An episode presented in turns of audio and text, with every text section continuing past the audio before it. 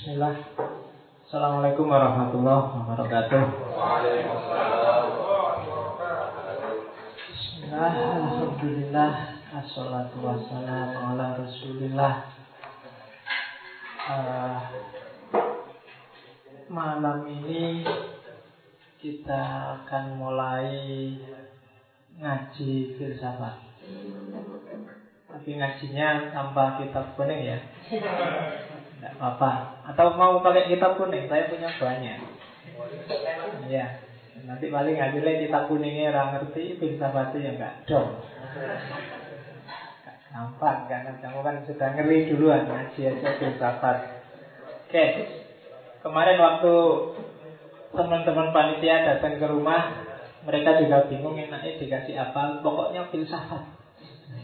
Tahu, pokoknya karena ngaji filsafat. Iyalah, Cuma seperti biasa gaya saya, saya tidak suka ngajarin kalian sejarah filsafat. Kalau cuma sejarah filsafat, kamu baca aja di buku-buku filsafat, semuanya ada. Saya lebih suka tekniknya, teknik berfilsafat. Maka ketika diminta untuk ngaji filsafat ini, bagi saya pertama, kamu harus latihan berpikirnya. Saya dulu pernah ngisi pelatihan yang sama, cuma tidak di sini. Tidak di Indonesia juga. Pakai bahasa Inggris dalam rangka short course juga. Cuma kebetulan saya yang ngisi. Jadi di antara profesornya yang ngajarin saya termasuk juga jadi mentor saya itu yang nulis buku Socrates Cafe tapi sudah lama banget saya ini juga sudah lupa. Uh, gayanya seperti ini. Jadi yang pertama epistemologi. Itu nanti tema-tema ini. Jadi bagian pertama dari ngaji kita kalau itu epistemologi insya Allah teman-teman akan ketemu tema-tema itu. Ada skeptis, relatif, common sense, sense itu yang tiap hari kita anggap benar bahwa Yus gitu itu apa ya? Benar menyikapi common sense itu gimana kemudian sosial epistemologi kemudian Bayesian Bayesian itu epistemologi membahas pengetahuan yang tidak pasti yang kadang bisa A tapi dalam konteks tertentu bisa berubah jadi B kemudian otoritarianisme termasuk agama itu kan jenis pengetahuan otoritarianistik dan yang terakhir ngomong tentang kebenaran. Itu kalau di jumlah 1, 2, 3, 4, 5, 6, 7, 8 8 tema. Kalau anggap aja satu tema satu-satu Berarti kita ketemu dua bulan. Ditambah hari ini sekali Berarti 9 minggu. Dua bulan setengah lah Nanti kamu sudah ahli epistemologi. Harusnya gitu loh. Ngapain saya capek-capek malam-malam ke sini Kalau nggak ada hasilnya ya kan? Jadi Sembilan kali epistemologi Baru kalau kamu, kamu sudah ngerti wacana Gimana peta pemikiran itu Baru latihan berpikir Thinking skill bagian pertama itu isinya logika. Seandainya nanti mau bisa sampai fase ini kita latihan berpikir yang pasti, yang logis-logis.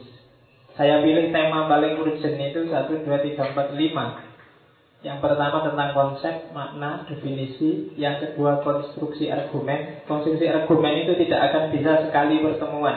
Bisa 3, 4 kali. Karena argumen itu nyawanya logika. Terus kesalahan berpikir Baru terus kita ngomong gimana cara memahami teks filsafat dan menulis filsafat. Itu bagian fase kedua kita. Fase ketiga berpikir untuk dunia yang tidak pasti. Dan itu hermeneutik. Ya temanya empat besar itu tapi saya tidak tahu empat itu apa satu bisa sekali pertemuan. Ada model konservatif, dialogis, kritis, radikal. Kalau di usuluddin di akidah filsafat termasuk jurusan yang lain hermeneutik saja itu 14 kali pertemuan. Itu pun tidak ada jaminan yang dikasih kuliah paham. Ya, apalagi kalau cuma empat. Jadi fase ketiga kita nanti kalau bisa nyampe hermeneutik. Anggap aja nanti logika bisa anggap aja 7 sampai 8 lah. Anggap aja 8 berarti 2 bulan, 4 bulan. Hermeneutik berapa ya enaknya? Sekali satu tema anggap aja dua kali berarti 8 juga 2 bulan. 2 bulan 1 2 3 sudah 6 bulan. 6 bulan sampai hermeneutik baru masuk ke isu-isu besar jadi enam bulan berarti setengah tahun. Kalian pahamlah alat-alat itu Harusnya Sudah punya Sudah mampu untuk berfilsafat sendiri Baru kita masuk ke isu-isu besarnya filsafat. Baru masuk ke ontologi. Yang pertama tentang Tuhan Yang kedua tentang kosmos, alam Yang ketiga tentang manusia. Baru boleh bertanding dengan para filosof besar Dengan konsep-konsep mereka sebelum bisa berfilsafat ketika kalian masuk ke konsep-konsep besar ini yang terjadi kalian adalah apalan pikirannya para filosof. Ketika kalian belum punya alat. Tapi kalau sudah punya alat kalian bisa masuk. Bisa enak. Bisa mengkritik, bisa mengkonsep sendiri, bisa melakukan sintesis tokoh-tokoh besar, bisa macam-macam, bisa enak. Tapi kalau tidak, kalian masuk ke tema-tema Tuhan, alam, manusia, dengan segala variasinya itu paling apalah. Kalau diskusi kalian jadi orang penurut. Penurut itu kalau ngomong mesti menurut Socrates, menurut Aristoteles mesti. Jadi, ya, jadi padahal mahasiswa kan harusnya nggak boleh menurut, tapi karena kalian cara berpikirnya apalah maka kalian jadi penurut. Jadi jadi anak paling cerdas di kampus itu biasanya paling penurut. Karena bacaannya banyak terus kalau ngomong mesti menurut. Jadi makanya biar tidak jadi menurut Kamu harus alatnya canggih. Ya. Dan kelemahan kita kalau diskusi Kalau ada temenmu menurut Kamu juga nyerah itu loh. Ya kan?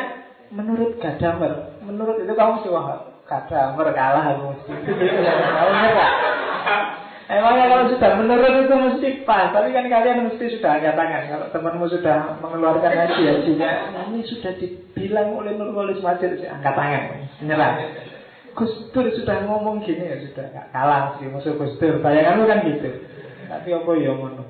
Kalau sudah manusia masuk ke ini tadi mulai manusia sampai ke atas tadi kan value-nya masih value kebenaran rasional, nilai-nilai kebenaran rasional. Baru masuk ke fase apa ini bagian besar kedua namanya etika. Etika ini luas sekali dan luar biasa. Dunia baru mungkin nanti basisnya tidak lagi di logika, tidak lagi di reasoning, tapi di etika. Kalau kita sudah naik kelas ke etika harus sudah agak rumit lagi dan tapi luar biasa wacananya. Apalagi masuk fase ke ketiga, estetika. Kalau sufi ini sudah ekstase sudah. Kalau sudah mas masuk ke dunia estetika itu biasanya sudah mulai sudah mulai keriting rambutmu kamu sudah. Iya. Jadi itu gambaran kita seandainya bayangan saya kamu rajin dan serius mau ngaji filsafat. Dan saran saya ke panitia, yo iya ngomong tidak harus saya terus. Mungkin nanti pada fase-fase tertentu ini ada tema yang ah ini bapak ini lebih ahli di sini ya tidak harus saya. Saya bagian yang kecil-kecil ya. Kalau nggak ada yang mau baru saya. Jadi estetika misalnya banyak jago estetika, nggak harus saya yang ngomong. Tapi kok terpaksa nggak ya saya ngomong juga tidak apa-apa, cuma mancing diskusi aja. Oke, jadi gambarannya nanti itu. Fase pertama adalah kita ngomong epistemologi, fase kedua logika, kemudian hermeneutika, kemudian ontologi metafisika, dimulai dari membahas Tuhan, teologi, kemudian alam, kosmologi, kemudian manusia, antropologi. Baru setelah itu masuk ke ranah yang lebih jelimet, etika, dan finishnya nanti estetika. Setelah itu kamu wisuda Kalau masih di sini. Karena ini panjang. Ya, saya ada banyak film sebenarnya. Makanya saya minta lebih enak di kelas. Karena kalau nanti sedikit-sedikit saya pas nggak bisa tak titipin film aja. Kamu lihat film. Dan nanti ada bagusnya, mesti yang tak kasih ada value di situ, ada nilainya kita bahas minggu depannya dari value itu. Cuma beberapa film yang saya punya belum ada terjemahannya. Tapi kalau terjemahan Inggris ada Kalau subtitle Indonesia-nya saya nggak nyamin ya nanti coba tak cariin Google Translator itu terjemahannya tak Indonesiain tapi biasanya malah jadi rusak. Tapi ya penting kamu ada gambarnya nggak sudah senang. Oke, daripada lihat saya terus.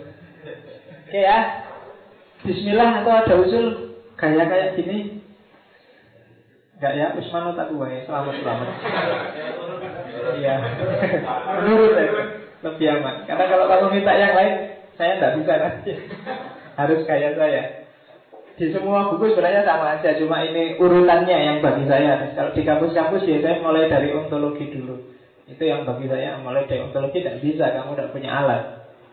Kan minggu lalu mungkin di sini ya saya bilang bahwa yang paling penting dua sebenarnya kamu butuh alat itu logika sama bahasa. Kalau itu kamu sudah menguasai enak saya. Oke, kita akan selesai jam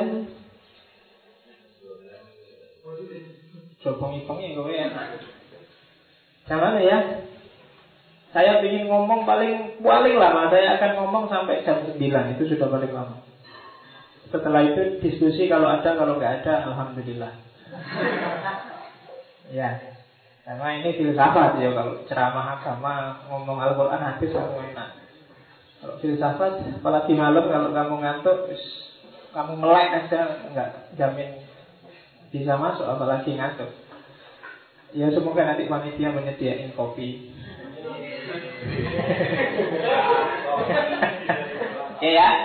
Uh, sebenarnya malam ini saya ingin ngomong panjang bila perlu sampai nanti Barcelona main. ya, cuma cuma sayangnya sudah nggak ada harapan jadi saya nggak semangat. ya, jadi kok coba ada harapan itu aku tak lemburan aja ngobrol di sini sampai setengah satu terus nonton bal-balan Iya. Berat loh, mau bikin lima kosong itu nggak gampang, muncul. Iya, jago-jago Messi. Iya. Oke, kita mulai. Bismillah. Kita masuk ke dunia filsafat. Epistemologi. Saya nggak perlu mendefinisikan ya kalian pasti tahu epistemologi itu epistem tulisan model Yunaninya seperti itu.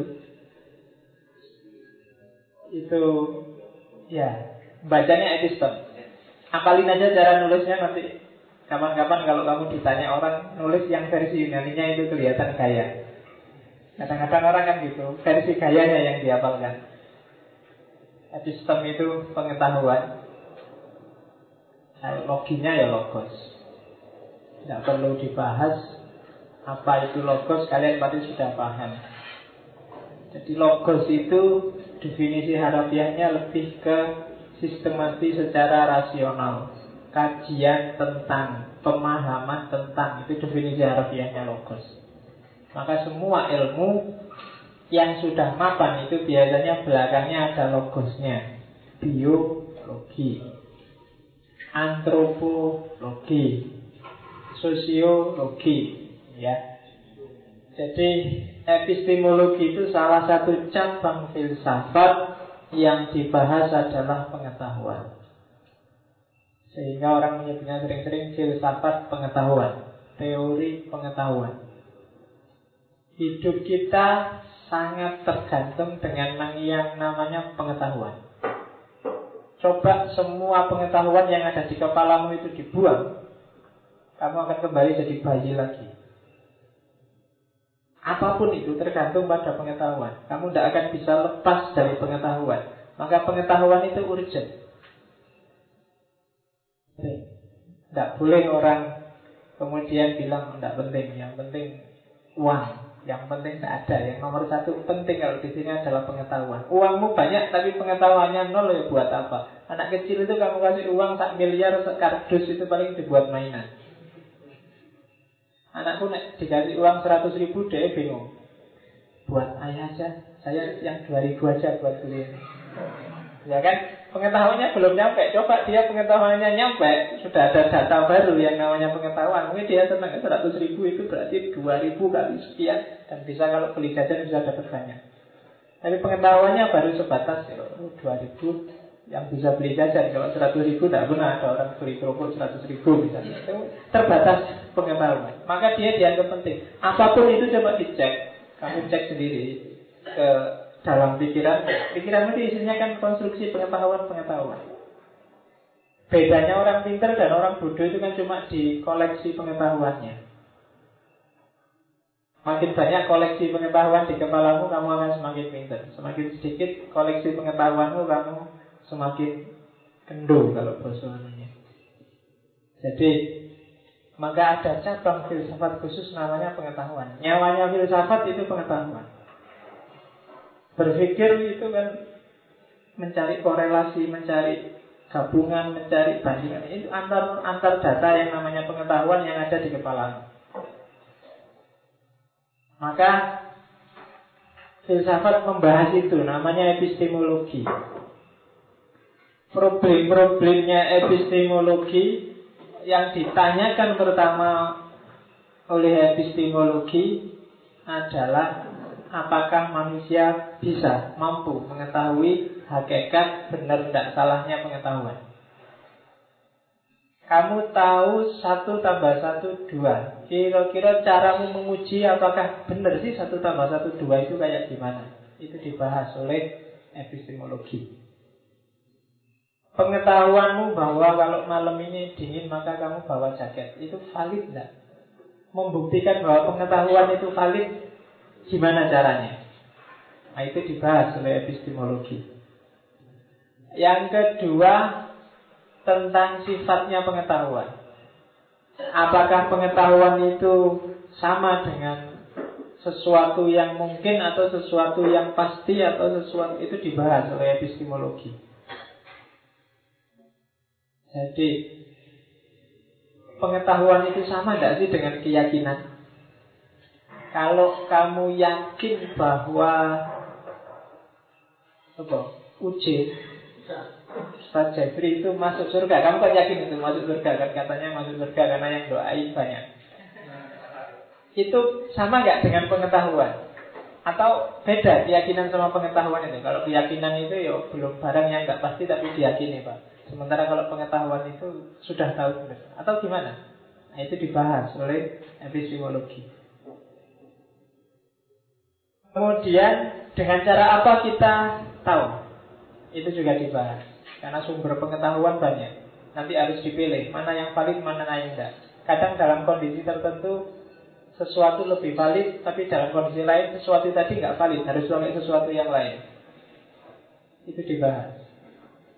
Kalau urusan gempa, urusan bencana, pendapatnya Surono lebih valid dibandingkan mungkin kiai. Ya kamu sangat hormat dengan kiai ustazmu pokoknya ustaz ini harus ditaati segala kata-katanya. Tapi kalau urusan bencana meskipun dia raja kamu kan lebih percaya Surono dibandingkan Hamengkubuwono. Kenapa?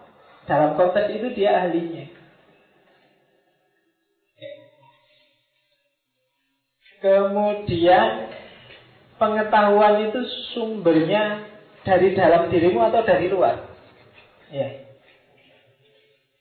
ini dibahas karena ada perdebatan di kalangan filosof. Filosof paling awal Plato dan Aristoteles yang beda pendapat. Kalau Aristoteles pengetahuan itu dari luar. Tapi kalau Plato pengetahuan itu dari dalam. Pengetahuan itu ya sumbernya dari pikiranmu. Tapi kalau kata enggak, kata Aristoteles, pengetahuan sumbernya realitas sekitar kita terus masuk ke pikiran. Pikiran itu cuma alat. Jadi itu jadi tema. Kemudian, yo alat yang kamu pakai terus apa? Pakai intuisi kan, pakai akal, pakai indera. Minggu lalu saya jelaskan itu. Jadi satu, dua, tiga, empat, lima. Tema ini dibahas dengan berbagai versi. Seperti yang delapan yang saya sebut itu. Delapan itu belum termasuk ini ya, ini baru pengantarnya, epistemologi. Minggu depan baru kita masuk ke filsafat pengetahuan yang sebenarnya ini kamu baru saya antarkan aja ke dunia yang namanya epistemologi. Ini baru pengantarnya. Kamu jangan bingung dulu, masih pengantar kok sudah bingung. ya. Kalau diantarkan bingung ya susah. Nanti jangan-jangan sat. Kayak yang subur. Oke, katanya pengacaranya yang subur kan itu. Tidak ada fatwa MUI yang bilang eh yang subur itu sesat. Hanya dianggap menyimpang. Yo, yo sing waras ngalah. Oke. Jenisnya.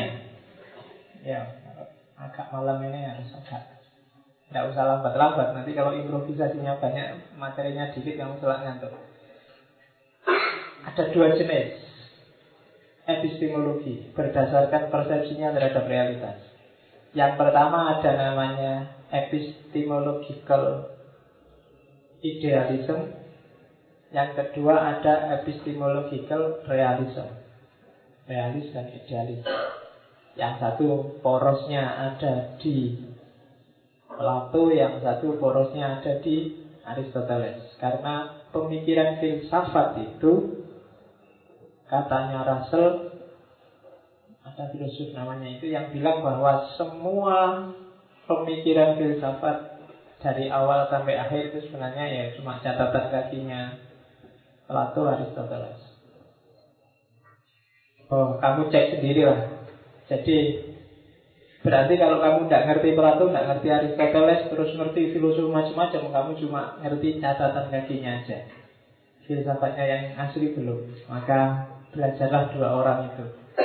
Itu kan itu kan berlanjut. Jadi Aristoteles nanti diwarisi oleh Alexander the Great di Romawi menyebar jadi ajaran namanya Helenisme sementara Plato ini masuk ke Eropa Timur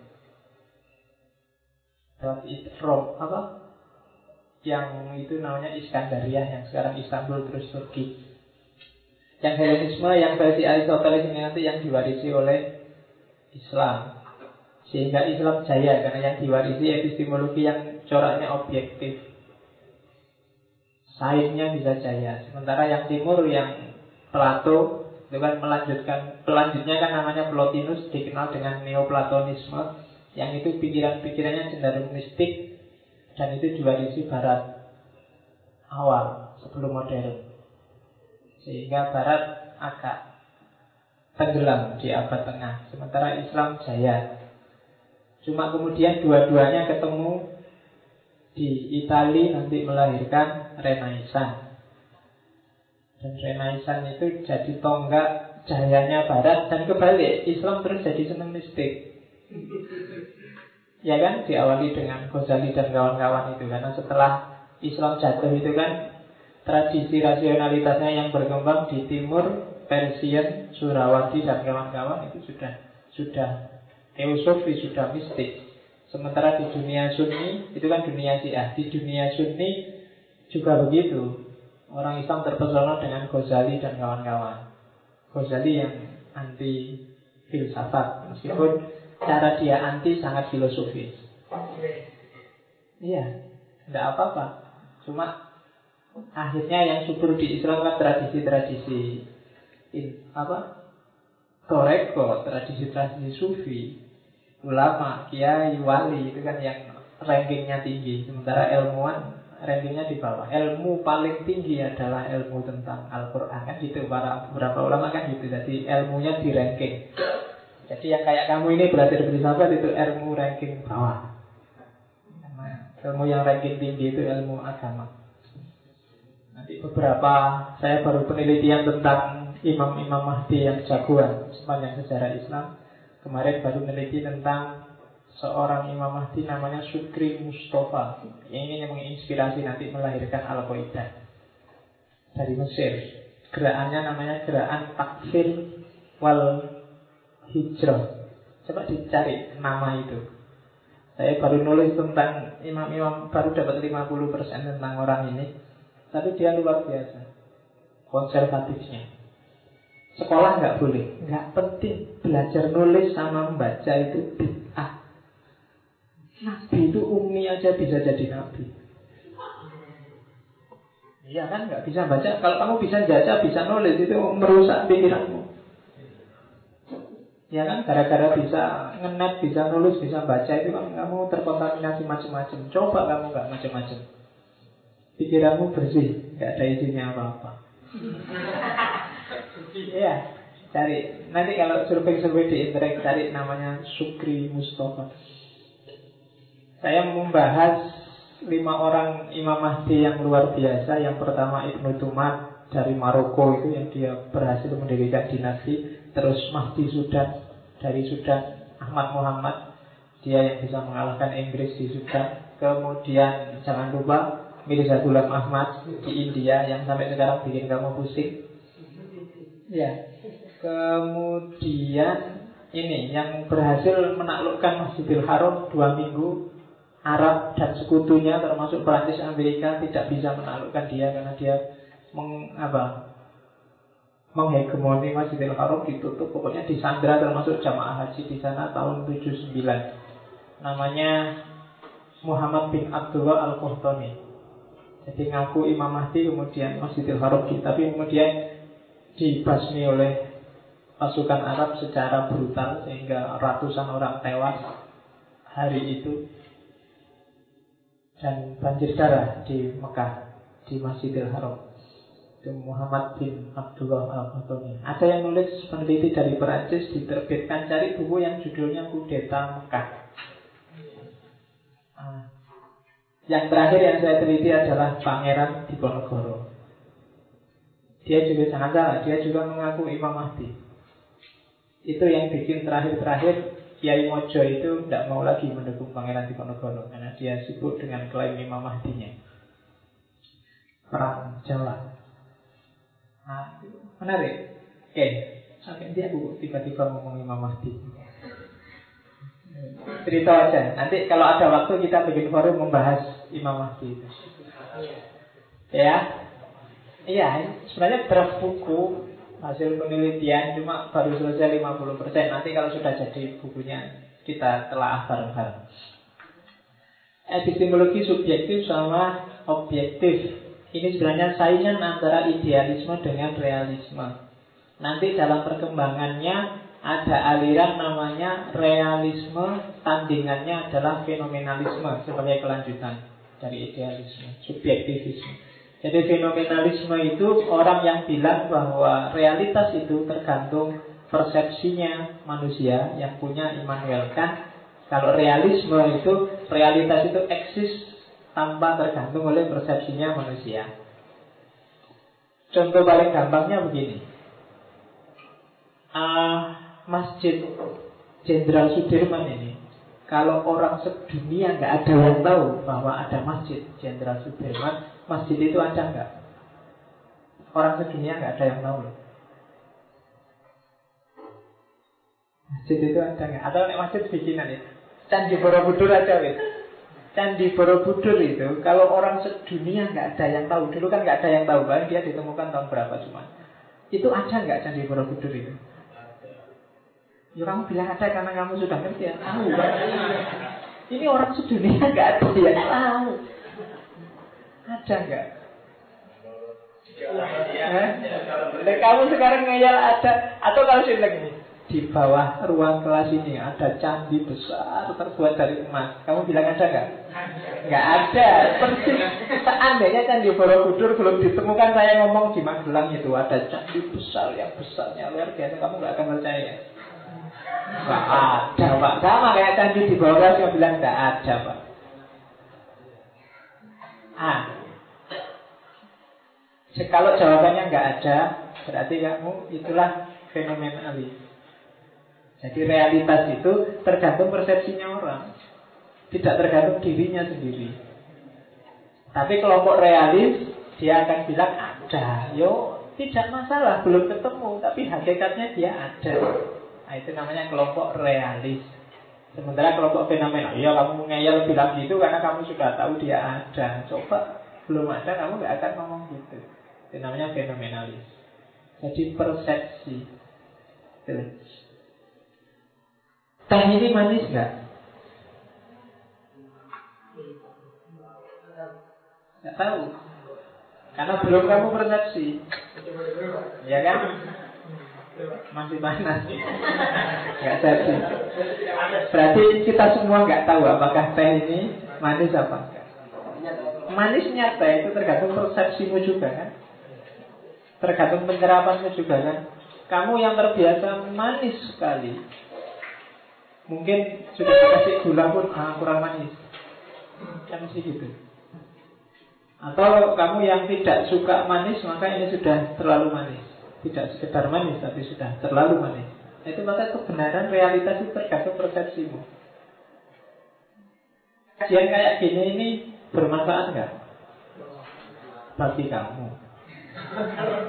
ya kan? Bagi yang tidak suka filsafat, buang-buang waktu. Sia-sia. Jangan-jangan kamu sedang sesat ini belajar filsafat. Bisa jadi gitu. Kenapa? Ya persepsi. Jadi realitas itu tidak pernah bebas dari persepsi.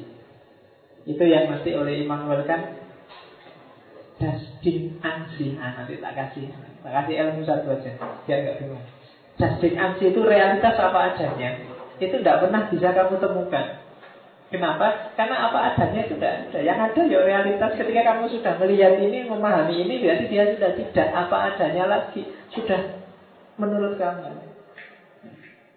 Saya ingin jujur ngomong apa adanya. Itu sebenarnya nggak ngomong apa adanya. Itu sudah persepsimu gitu Jadi kalau ada temenmu Aku jujur ya mau bilang Ini apa adanya tentang kamu? Itu sebenarnya bukan apa adanya. Kamu versinya dia Jadi dusting ansih barang apa adanya Itu nggak mungkin bisa diakses Ketika sudah bersentuhan dengan manusia Dia sudah jadi fenomena dia sudah jadi barang sesuai versimu. Oke. Ada jadi yang fenomena itu berarti paradigmanya subjektivisme, tapi yang realis itu objektivisme. Jadi objeknya bisa independen, tapi subjektif enggak, objek nggak bisa independen. Jenis. Nanti ide-ide epistemologi akan bulat di antara dua itu. Ada yang punya persepsi subjektif, ada yang punya persepsi objektif. Nanti kita lihat objek pengetahuan. Ya nah, kalau kayak gini-gini kamu nggak perlu mikir dalam-dalam lah. Yang bisa diketahui itu ya fenomena. Kenapa itu disebut fenomena? Ya karena baru di level fenomena. Lawannya fenomena itu kan nomena. Kalau nomena itu barang apa adanya, yang dasdi anti tadi. Tapi yang bisa kamu ketahui itu levelnya adalah fenomena. Alam ya gejalanya, Alamnya sendiri yang kamu susah memahami Yang kamu kepahami kan gejala alam. Eksternal world, dunia di luar kamu Kemudian masa lalu. Masa lalu itu sudah lewat Tapi kan masih bisa kamu pahami. Masa depan. Masa depan kan belum ketemu Tapi kan kamu bisa memahami masa depan. Namanya pengetahuan prediktif. Eh, Ada temenmu sama pacarnya nginep di kamar berdua pulang pagi-pagi. Terus muncul pengetahuan di kepalamu. Tenono sebulan lagi mesti hamil. Oh itu kan? Munculnya pengetahuan bahwa temenmu tadi akan hamil itu kan pengetahuan tentang masa depan itu Nah ya kan? Loh, pengetahuan ketika kamu ujian kok tiba-tiba telat nggak bisa masuk akhirnya Waduh nggak bisa ikut ujian. Maka ah, mesti nggak lulus. Loh, Kamu menyeluruhkan nggak lulus itu kan namanya pengetahuan tentang masa depan.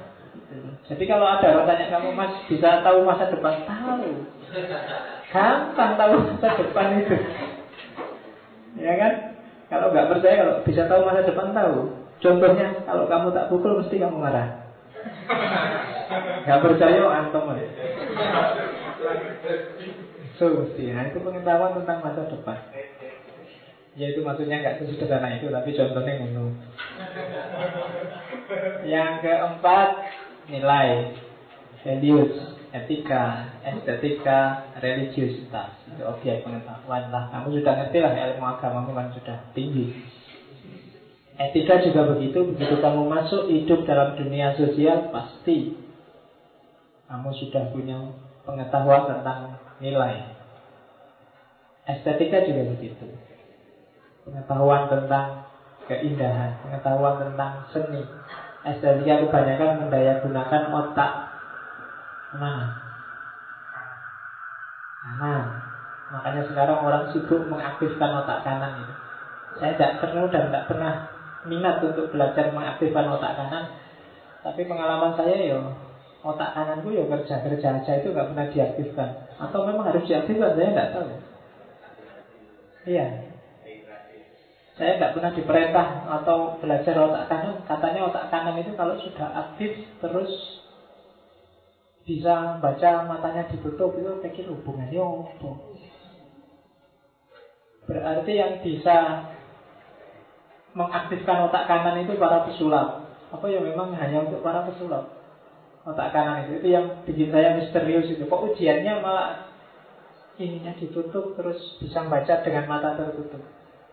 Padahal tahu saya ya otak kanan itu kan ranah-ranah bangsanya seni, estetika, agama dan kawan-kawan imajinasi. Sementara yang kiri ngomong eksak-eksak. Tapi sekarang itu harus diaktifkan. Kamu kan nggak perlu mengaktifkan otak kanan kan sudah punya sense of estetik kan. Suka dangdut, siapa yang suka dangdut di sini? Iya. Suka, ya kan kelihatan gitu suka rock, blues, jazz ya. Kayak kamu kan suka nonton TV, nonton film tadi tak family, kamu baru dengar besok ada nonton film aja wah lumayan nanti ada film itu kan sense of aesthetic. Jadi nggak perlu capek-capek diaktifkan lah, asal kamu tekun aja aktif sendiri kok itu. Ya memang untuk otak kanan kamu cara berpikirnya nggak harus monoton serius. Karena orang yang otak kanannya nggak terlalu aktif biasanya diajak guyon susah. Ya kan diajak nyantai susah. Pokoknya orangnya serius mencurung susah diajak ngomong. Kalau kalau ditanya pokoknya rasional terus jawabannya, nah itu nggak enak. Mau mana mas? Mau ke depan? Dari mana? Dari belakang. Ayolah. Itu kan rasional, cuma beli. Iya. Jadi masuk akal dari belakang. Oh ke depan. Kok jalan aja mas? Emangnya mau merangkak? Jawabannya itu mungkin nyebelin. Iya. Otak otak kanannya nggak jalan. Ya estetik lah. Kadang-kadang kalau diajak guyon, waktunya orang guyon dia serius, waktunya orang serius dia ketawa-ketawa. Susah ya kan? Nggak imbang. Orang ketawa sudah lama selesai dia baru ketawa belakangan. Iya. Oke. Yang kelima main, dimensi psikis, dimensi dalam. Pikiranmu itu harus dibangun. Filosofi of mind itu kalau orang buku-buku filsafat itu bisa tebel segini. Karena memang mainnya manusia itu luar biasa. Pikiran itu luar biasa. Ya nanti kamu pelajari sendiri.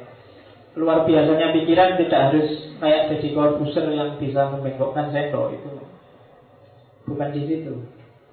Tapi tidak tahu, nanti coba dibaca filosofi of mind itu. Bagaimana dahsyatnya pikiranmu bagaimana rumitnya untuk memahami gejala, memahami proses, memahami model dari pikirannya manusia. Akal itu tidak ada batasnya. Saya pernah sering ditanya orang, saya saya sering bilang berpikir itu bebas, tapi kan terus dia bilang, tapi kan manusia terbatas pak, ada batasnya, iya, ada batasnya, cuma batasnya itu tidak pasti, tidak pasti dalam arti berpikir itu mungkin sekali waktu kita mentok ini batasnya sudah. Tapi besok ada fakta baru, maka yang semula batas bisa meluas. Itulah berpikir. Jadi kalau kamu bilang tapi kan kita terbatas ya, tapi batasnya tidak mati. Batasnya itu selalu berkembang. Dulu orang gimana ya bisa ngirim informasi dengan cepat? Dulu pakai burung, ya kan? Burungnya dilepaskan terus nyampe. Kurang cepat. Orang aja lebih cepat naik sepeda naik itu pakai sepeda itu kan jadi dari batas yang oh itu batasnya cuma secepat-cepatnya burung kan cepat lebih cepat pakai kendaraan, pakai pesawat, pakai itu sudah pakai pesawat lebih cepat. Berkembang lagi batasnya yang semula itu, tapi idenya mentok di situ. Lagi lama-lama ada email, ada SMS, ada. Zaman saya kecil mimpi membayangkan nelpon itu terus bisa ketemu orangnya terus eh hello orangnya senyum dan senyum itu agak nggak masuk akal. Saya lahir tahun 70-an itu Orang kampung itu lihat TV itu masih bingung Itu orangnya di sebelah mana ya? Masih belum muncul ide bahwa itu cuma gambar. Gelombang yang ditransfer terus jadi gambar. Ya kan? Oh, Mesti nyari itu ada orangnya di dalam Ada mesti gitu Main, coba. Dan main itu saya selalu bilang Main itu habit. Pikiranmu itu Intinya adalah pembiasaan. Kamu biasakan dia kayak gimana Dia akan seperti itu Dan nanti seperti itu juga wajahmu. Kayak hidup Itu main. Kalau kamu biasakan diisi yang negatif-negatif Dia akan jadi negatif Dan pola hidupmu pasti akan juga negatif. Karena main itu nonton perilakumu Ucapanmu Sehari-harimu Kalau kamu isi barang-barang internet yang nggak beres nggak beres itu gambar lah film lah itu mesti dia akan terbiasa di situ. Dan dia akan kerja seperti itu. Perilakumu juga begitu. Coba yang sering diisi itu lihat perempuan mesti pikirannya langsung mengarah ke situ. Keluar. Aduh aduh aduh, aduh. mesti yang dilihat pertama kan bagian yang itu. Kenapa? Karena referensinya ke situ semua ya jadi itu, itu main. Nanti dibahas di epistemologi. Meskipun saya tidak akan ngomong detail tentang filosofi of mind. Kalau memang kamu butuh nanti kita khususkan ngomong filosofi of mind itu bisa 3-4 kali pertemuan. Sumber pengetahuan ada otoritas, sense perception, reason, intuition. Otoritas itu siapa pun yang kamu percaya sense perception itu indrawi pengetahuan dari mata, dari mulut, dari hidung. Reason itu akal, nggak perlu dijelaskan. Intuisi sudah saya jelaskan minggu lalu bagaimana mekanisme kerjanya intuisi. Kebanyakan kita pengetahuan itu datang dari yang nomor satu.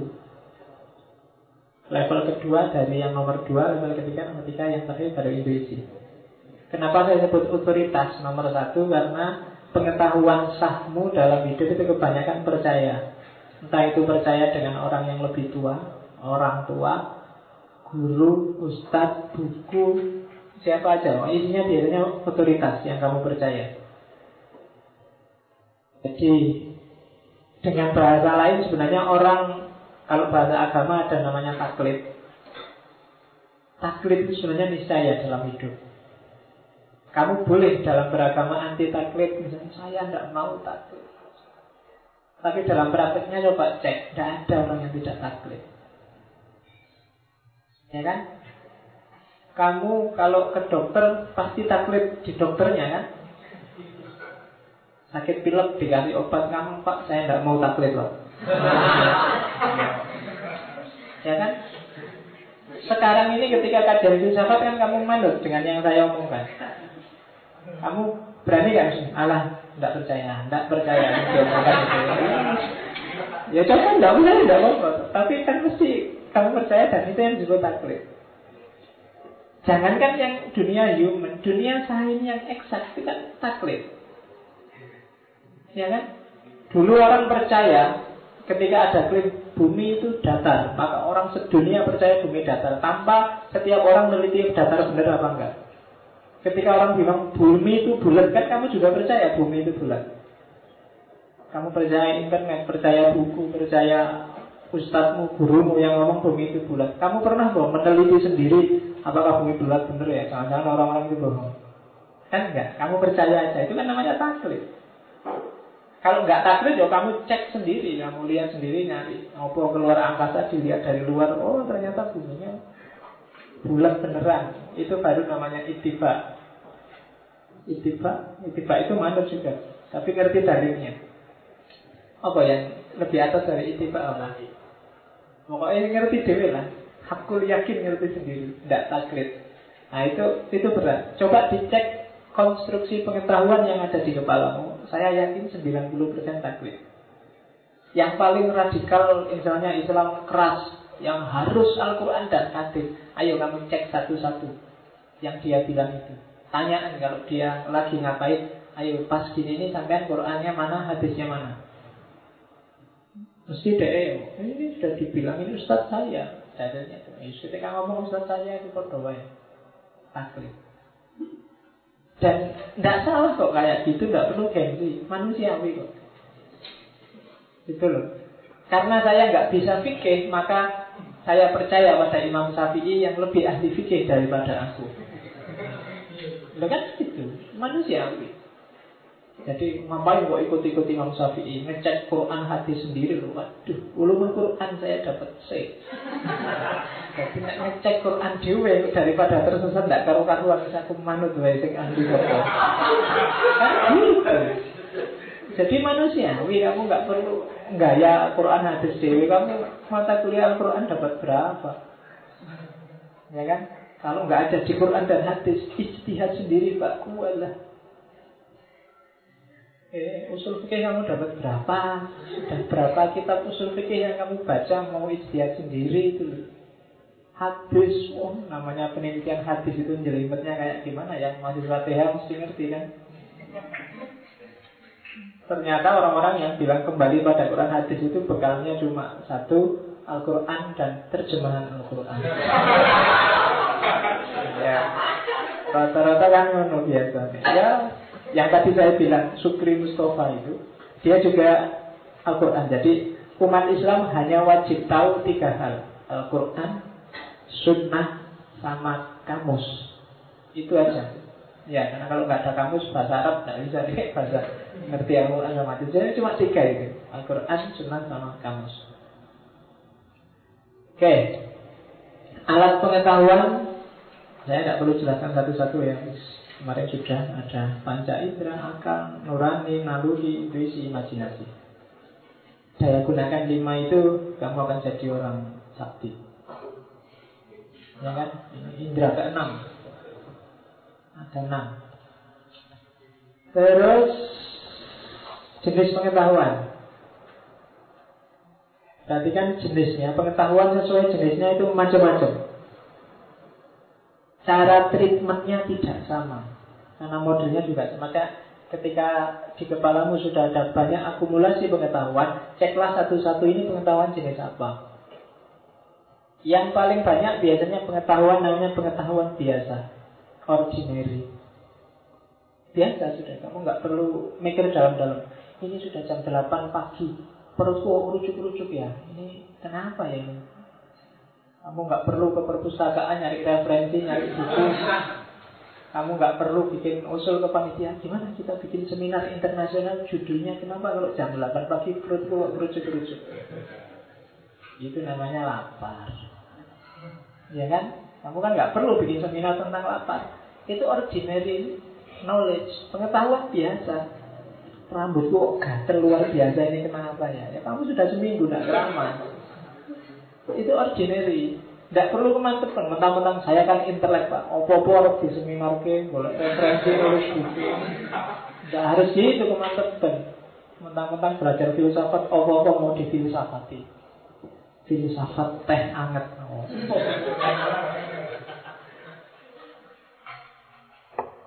Filsafat roti bakar. Ordinary knowledge. Jadi kamu sudah paham kok tambah harus dibahas panjang lebar. Jadi semua orang sudah tahu, sudah ngerti itu tidak apa-apa. Yang kedua pengetahuan ilmiah. Kalau pengetahuan ilmiah itu gejalanya pasti tetap, cuma untuk memahaminya kamu harus ngerti polanya. Itu biasanya pengetahuan ilmiah. Alatnya ya namanya ya ilmiah. Metode ilmiah, hasilnya adalah ilmu. Fisika, matematika, biologi itu pengetahuan ilmiah. Biasanya sifatnya eksak, pasti. Yang ketiga sebenarnya cabangnya pengetahuan ilmiah namanya pengetahuan teknologi, jadi isinya teknik. Gampang-gampangannya yang ilmiah itu ilmu murni, yang bawahnya ini ilmu terapan. Itu juga jenis pengetahuan. Teknik memperbaiki laptop, itu pengetahuan. Tapi teknologi arus listrik, nah itu kan teknologi, teknik. Jadi ada level ilmiah, dan teknologi itu jenis pengetahuannya beda, treatmentnya juga beda, pola alurnya beda. Yang keempat ideologi. Ideologi ini pengetahuan doktrinal. Biasanya isinya adalah reasoning plus apa juklak perilaku itu biasanya ideologi. Jadi ADART-nya apa, harus diterjemahkan dalam sehari-hari kayak gimana? Itu ideologi namanya. Aturan-aturan dasarnya gimana kemudian cara menerjemahkannya dalam realitas gimana itu biasanya pengetahuan ideologi. Kamu ikut organisasi apa aja biasanya dia punya ideologi sendiri. Yang ikut organisasi ekstra, intra atau apa pun itu biasanya ada. HMI, PMII biasanya punya punya ideologi. Maksudnya dia punya perangkat berpikir dan berperilaku sendiri yang harus diikuti oleh anggota-anggotanya. Itu pengetahuan ideologis. Indonesia punya ideologi namanya Pancasila. Nah itu ideologis. Sifat kebenarannya intersubjektif itu sebenarnya sifatnya konvensional, kesepakatan bersama. Jadi orang Indonesia dulu sepakat pakai Pancasila. Eh, tidak pasti benar, tapi itu jenis pengetahuan. Dulu disepakati Pancasila, apa nggak bisa diubah? Ya bisa aja, itu kesepakatan kok.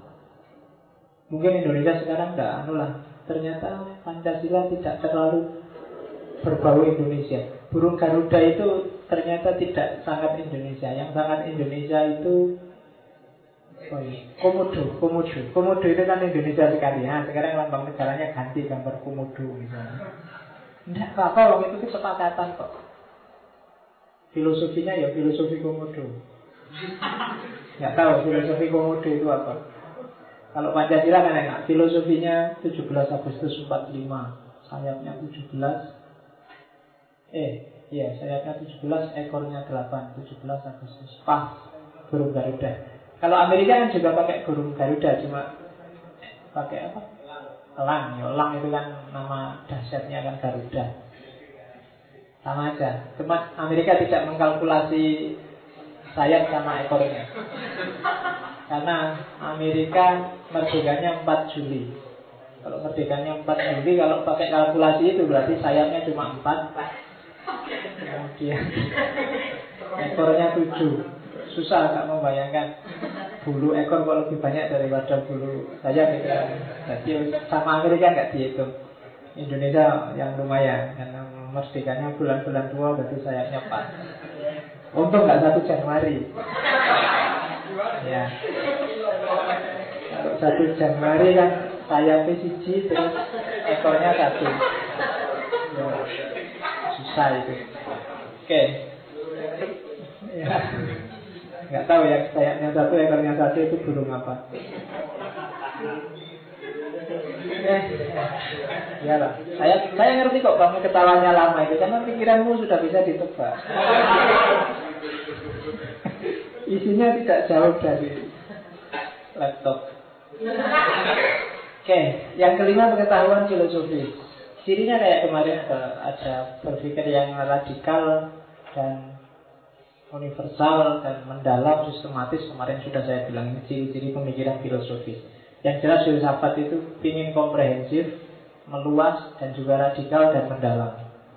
Jadi luas dan dalam itu maunya filsafat. Luas itu berarti semua variabel yang berhubungan ikut, mendalam itu berarti inti dan hakikatnya ketemu. Itu pemikiran filosofis. Jadi tidak parsial melihat realitas dan tidak dangkal. Itu maunya filosof. Jadi Kan di TV sekarang kan banyak orang yang cara berpikirnya artifisial, dangkal, tidak komprehensif, membela kelompoknya aja itu namanya tidak komprehensif. Hanya melihat tampilannya aja itu namanya dangkal. Karena kadang-kadang di balik tampilan ada makna yang lebih dalam. Nah itu filosofis. Yang terakhir yang lebih abstrak lagi, lebih jelimet lagi adalah pemikiran mistik atau agama. Ini lebih rumit. Kalau filosof, filsafat itu parameter-parameternya jelas. Logika itu kan tegas. Tapi kalau mistik agama tidak bisa. Eh, yang subur bilang saya begini ini karena ada bisikan dari itu kan membuktikannya susah. Yang bisikin siapa, yang anu siapa juga susah. Jadi mistik agama itu lebih susah dijangkau. Karena itu banyak yang bilang agama itu wilayah kepercayaan. Jadi bukan masuk akal atau tidak masuk akal, tapi kamu percaya atau tidak percaya. Kalau nggak percaya tinggal aja, kalau percaya ya ikuti. Itu kebanyakan agama. Mistik kan juga begitu. Maka debatnya yang subur sama Adi bin Samud itu nggak ada jelundrungannya karena beda jalur. Yang satu pinginnya pakai agama, yang satu pakai nalar mistik. Dua-duanya sebenarnya wilayah abstrak dan beda jalur. Sehingga nggak karu-karuan. Kita kan maunya menjasuhnya pakai rasio dan nggak nggak nyambung sudah. Ditambah lagi pakai hukum. Dua-duanya lapor polisi dan saya yakin polisi ini bingung ya. ya kan? Kalau ada Selamat dilaporkan eh, yang subur dilaporkan itu polisi ini mesti bingung. Saya disantet oleh yang subur itu mesti membuktikan bahwa itu santet kan susah juga. Meskipun Indonesia sekarang bikin undang-undang santet. Nah, itu ya susah. Misalnya kamu tak ancam, kamu kok nyalain aku, awas kapan kapan ketemu tak sikat kamu. Eh besok kamu sakit. Padahal mungkin sakitnya gara-gara masuk angin atau apa. Wah disantet ini. Terus kamu bisa ke polisi kan? Kemarin dia ngancam saya. Sekarang saya flu Berarti dia nyantet saya itu. Ya kan? Terus apa ya gitu? Apa terus polisi mau bikin? Anu Kalau teroris kan densus Mungkin santet dia bikin detasemen khusus Bagian santet Isinya para pemburu hantu Bangsa gitu-gitu Nanti bagian cek Kalau mau gitu dan memang parameternya susah. Oke, jadi perhatikan level pengetahuan ini ya. Karena ini berguna. Banyak orang diskusi dan tidak karu-karuan diskusinya. Karena level pengetahuannya campur. Nggak jelas. Kamu mau ngomong level hukum apa level etika? Kalau hukum itu tegas dan pasti, kalau etika itu pertimbangan nurani orang, itu filosofis. Kamu mau ngomong ideologis atau ilmiah? Kalau ilmiah, ya pikiranmu harus mau diuji, dikritisi sesuai parameter-parameter ilmiah. Tapi kalau ideologis, ya tinggal dicari relevansinya dengan ideologinya. Cuma itu aja. Cuma kadang-kadang orang nggak bisa membedakan ini terus diskusi nggak selesai. Jenis pengetahuan ada biasa, ilmiah, teknologis, filosofis dan macam-macam. Ah, ini proses lahirnya pengetahuan. Ini baru pengantar aja. Jadi hari ini target saya adalah kalian ngerti, oh itu besok yang akan kita bahas, isu-isunya. Jadi lahirnya pengetahuan ada model non ilmiah, ada model ilmiah. Kita di kampus terbiasa menganggap bahwa yang benar itu selalu yang ilmiah. Tidak pasti. Dalam kenyataan sehari tidak selalu yang benar. Apalagi kalau saya pakai istilah bukan yang benar yang bermanfaat tidak selalu yang ilmiah. Makanya nanti ada filosof namanya Karl Popper yang bilang bahwa banyak hal yang secara ilmiah dia meaningless tidak bermakna tapi fungsional dalam hidup seperti agama itu kan dia meaningless kalau masuk ke dunia ilmiah itu dia meaningless nggak bisa diukur secara eksak parameternya tapi fungsional. Gara-gara ada agama kan hidup kita jadi tertib. Jadi nyaman. Jadi tentram. Jadi damai. Itu kan fungsional. Meskipun dia tidak bisa diukur secara ilmiah. Itu katanya Karl Popper. Yang non ilmiah apa aja? Yang pertama jelas yang tidak ilmiah itu penemuan kebenaran secara kebetulan. Ya kan? Ini Bahasa Indonesia itu kan luar biasa Ada kebenaran, ada kebetulan Kalau di Jawa saya tidak tahu Kebenaran Kebenaran itu kebetulan ya Iya, kalau di Jawa kebenaran itu kebetulan Jadi podo. Kalau benar ya benar. Tapi di Jawa ada ada benar ada benar saya bilang dulu. Itu lebih lebih rumit konsepnya.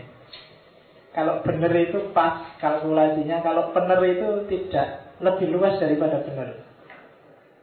Benar itu kalau bobotmu 80 kilo, kemudian saya ngomong kamu gemuk sekali, itu benar. Tapi kalau terus kamu tak panggil gendut, gendut itu tidak benar. Mungkin dia tersinggung gara-gara tak panggil gendut, tidak pas.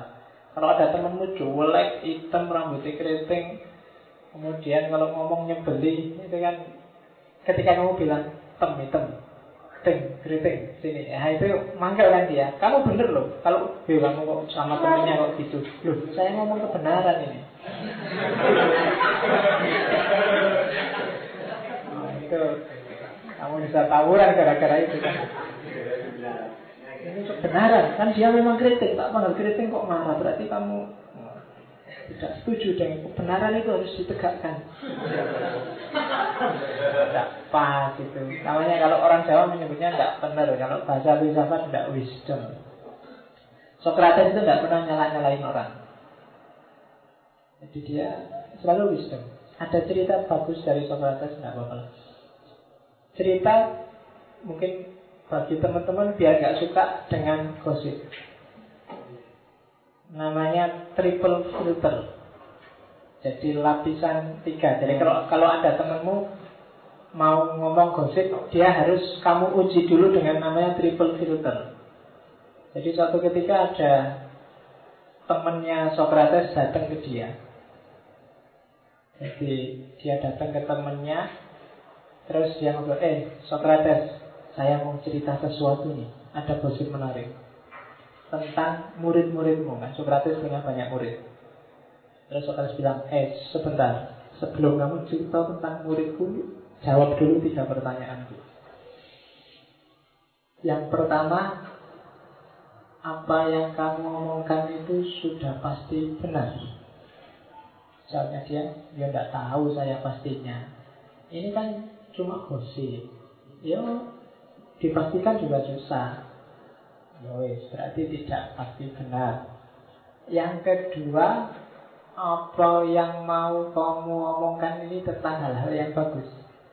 Yo, enggak lah. Gosip itu kan mana ada? Gosip itu biasanya itu kan hal-hal yang jelek. Nah, yo. Pertanyaan ketiga, apa yang mau kamu omongkan ini ada gunanya buatku?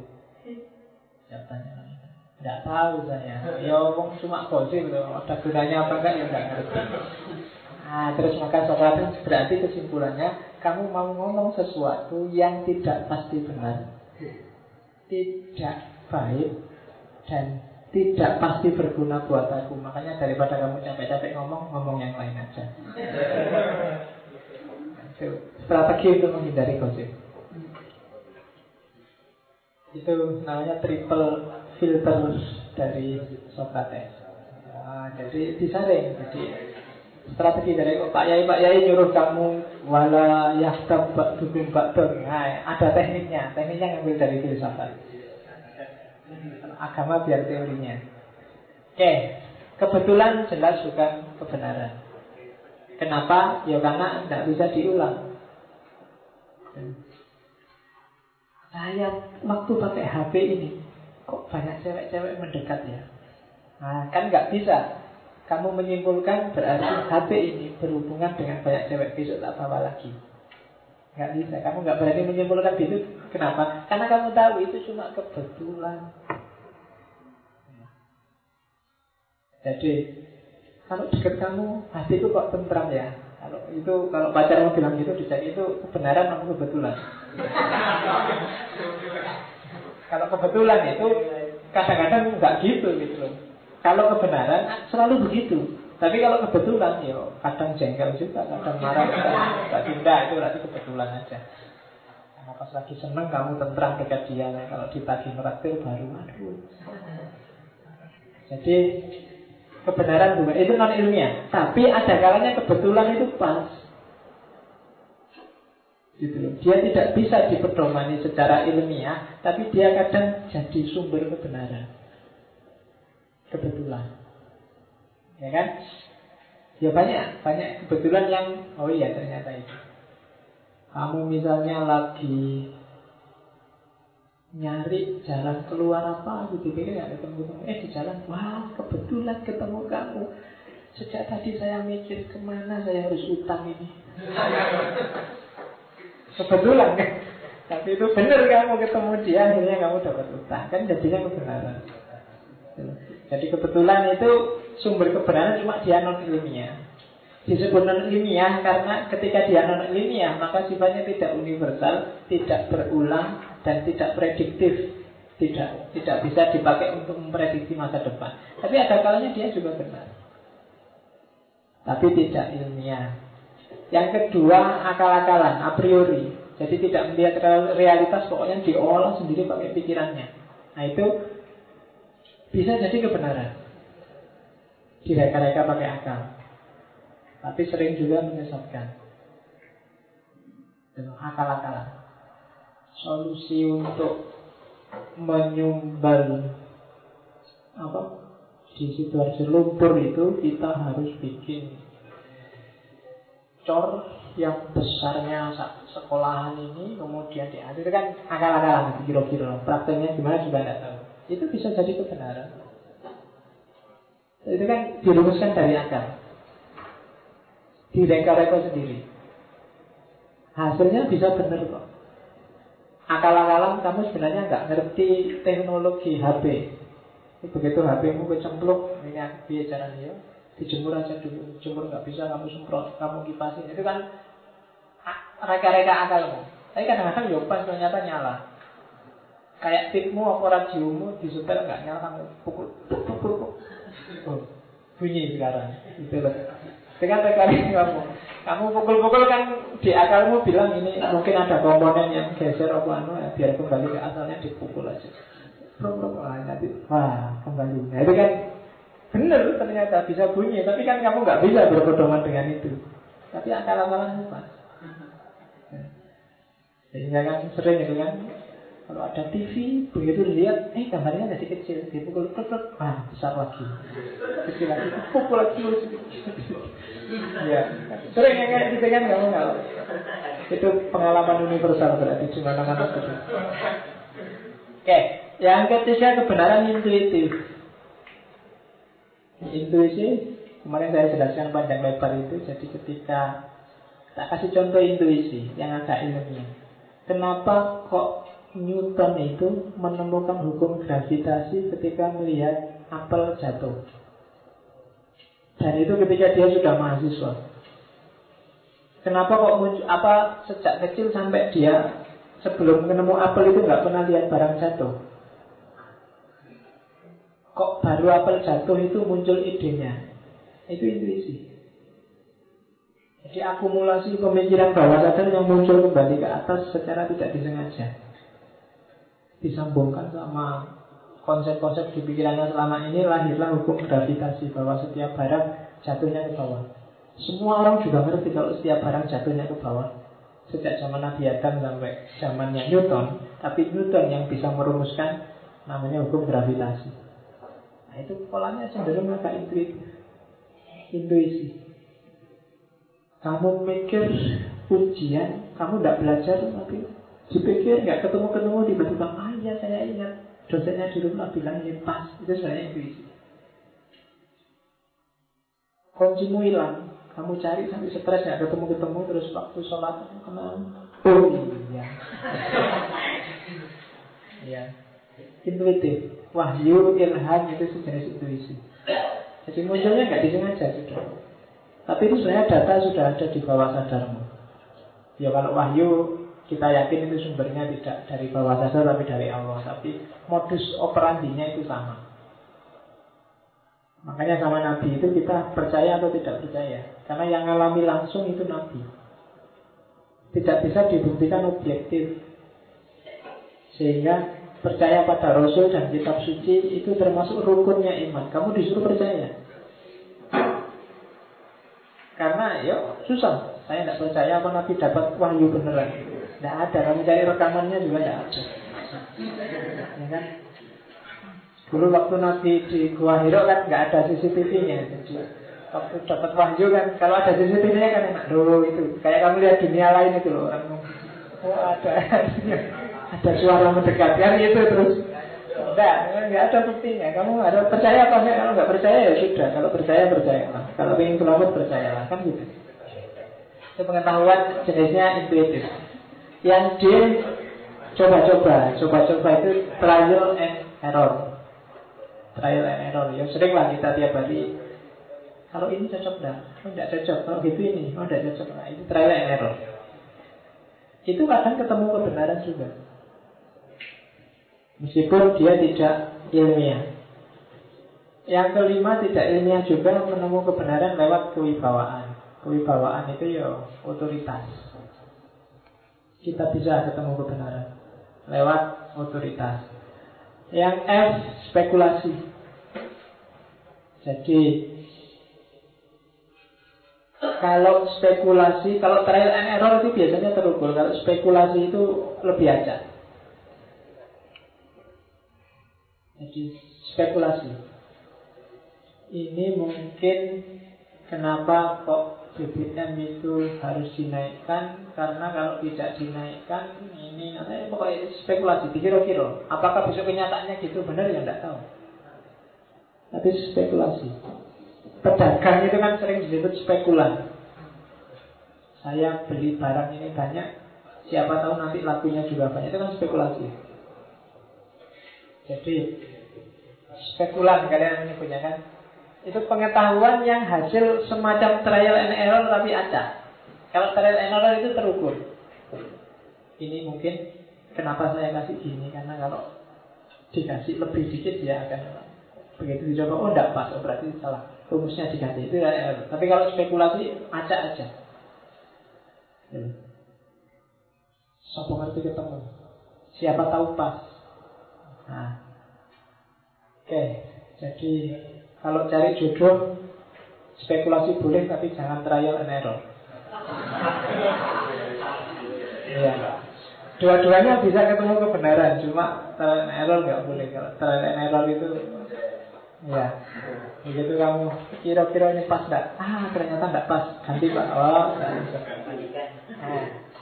Spekulasi boleh. Sudahlah, saya sama ini aja. Enggak apa-apa.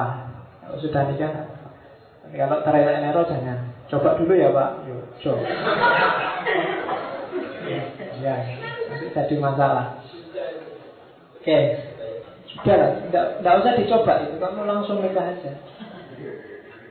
Ada yang bilang pacaran setelah nikah itu lebih indah. Kalau menurut saya setelah nikah jangan cuma pacaran, rugi.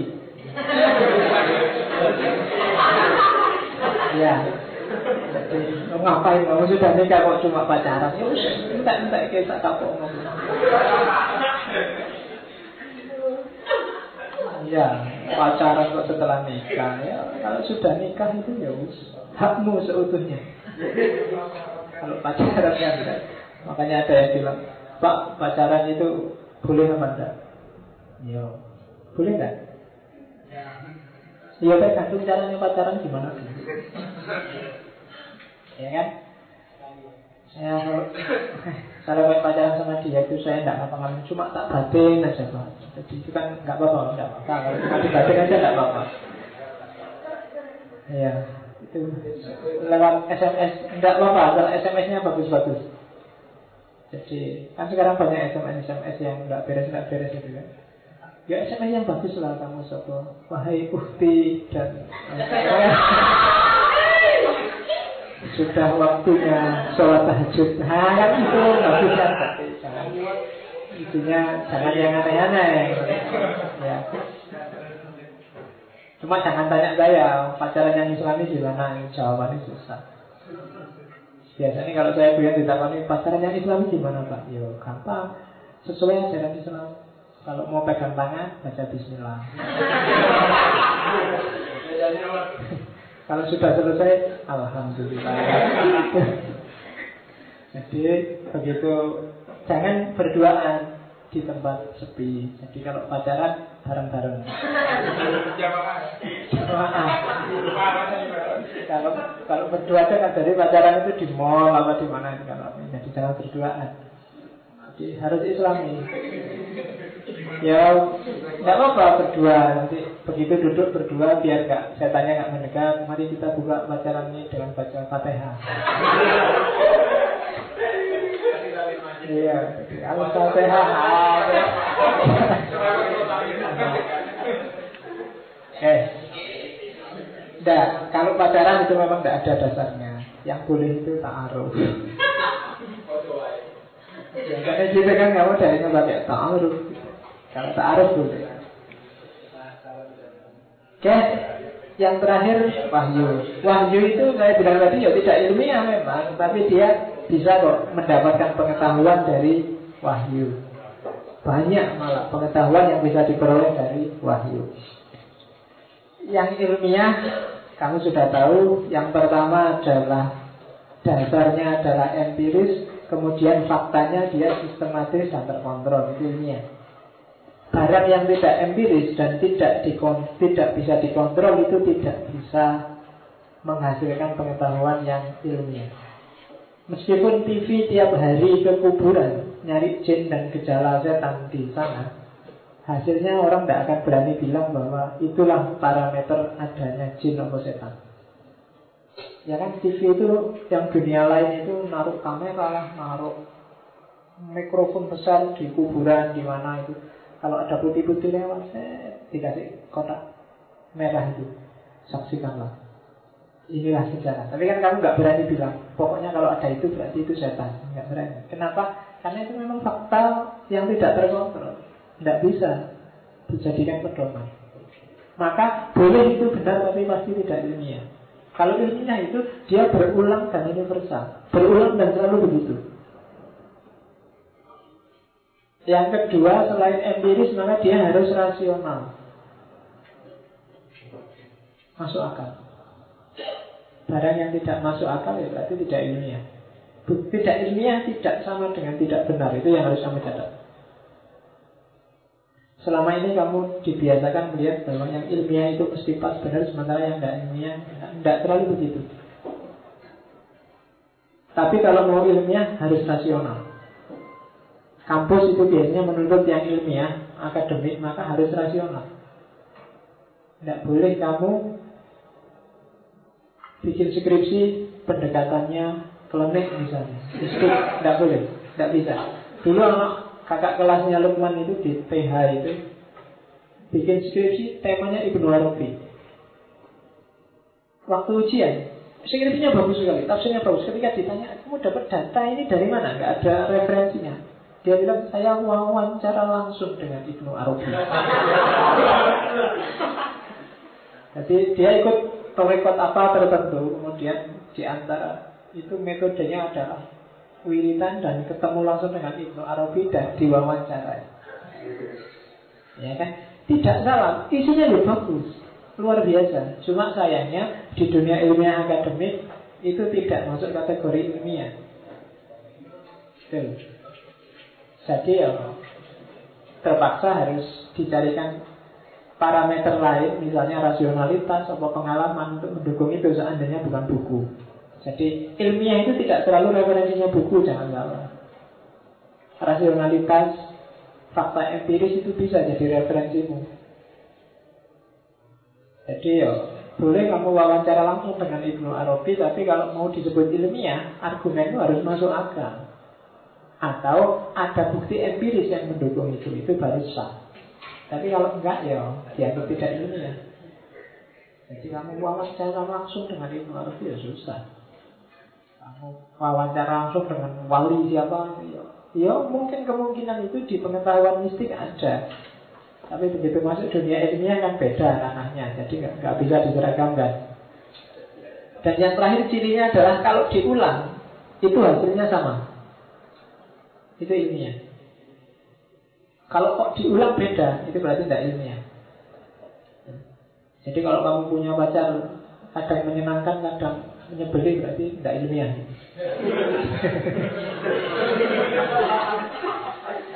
Jadi kalau kalau marah bilang aja, ternyata kamu itu tidak ilmiah. Kemarin bikin aku ketawa-ketawa, sekarang bikin aku sumpah. Nah, ya memang bukan dunia ilmiah.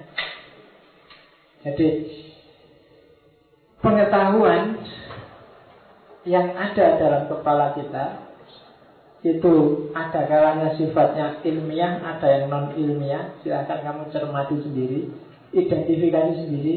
Ketika saya tentang ini, pengetahuanku tentang ini itu tidak ilmiah. Tidak apa-apa, tidak ini nggak terlalu benar, tapi identifikasi dulu.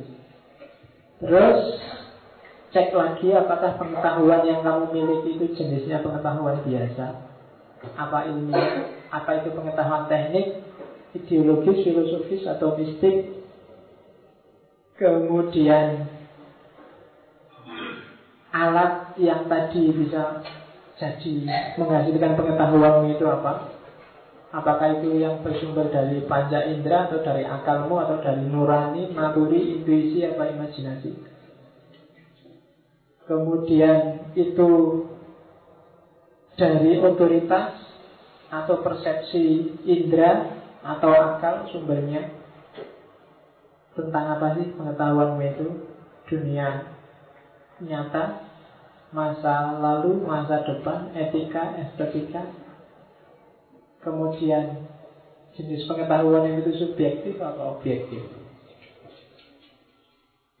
Nah, itu caranya mengidentifikasi.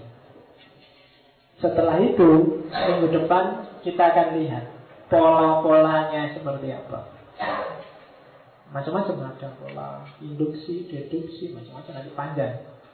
Baru minggu ketiga kita ngomong tentang isu-isu besar. Ada skeptisisme, ada relativisme, ada apa Yang belakang tema ini. Jadi malam ini cukup itu dulu. Saya hindari istilah-istilah teknis yang ruwet, pakai bahasa biasa biar kamu paham. Kalau kamu cari di buku isinya sama dengan itu meskipun kayaknya beda. Sangat direkomendasi kamu baca-baca buku epistemologi atau buka laptopmu cek di Google, tulislah epistemologi dan carilah. Sudah banyak orang ngomong epistemologi. Jadi ini memetakan pengetahuan yang ada di kepalamu. Itu nanti berguna. Setelah kamu paham dengan peta pengetahuanmu, maka baru masuk ke logika.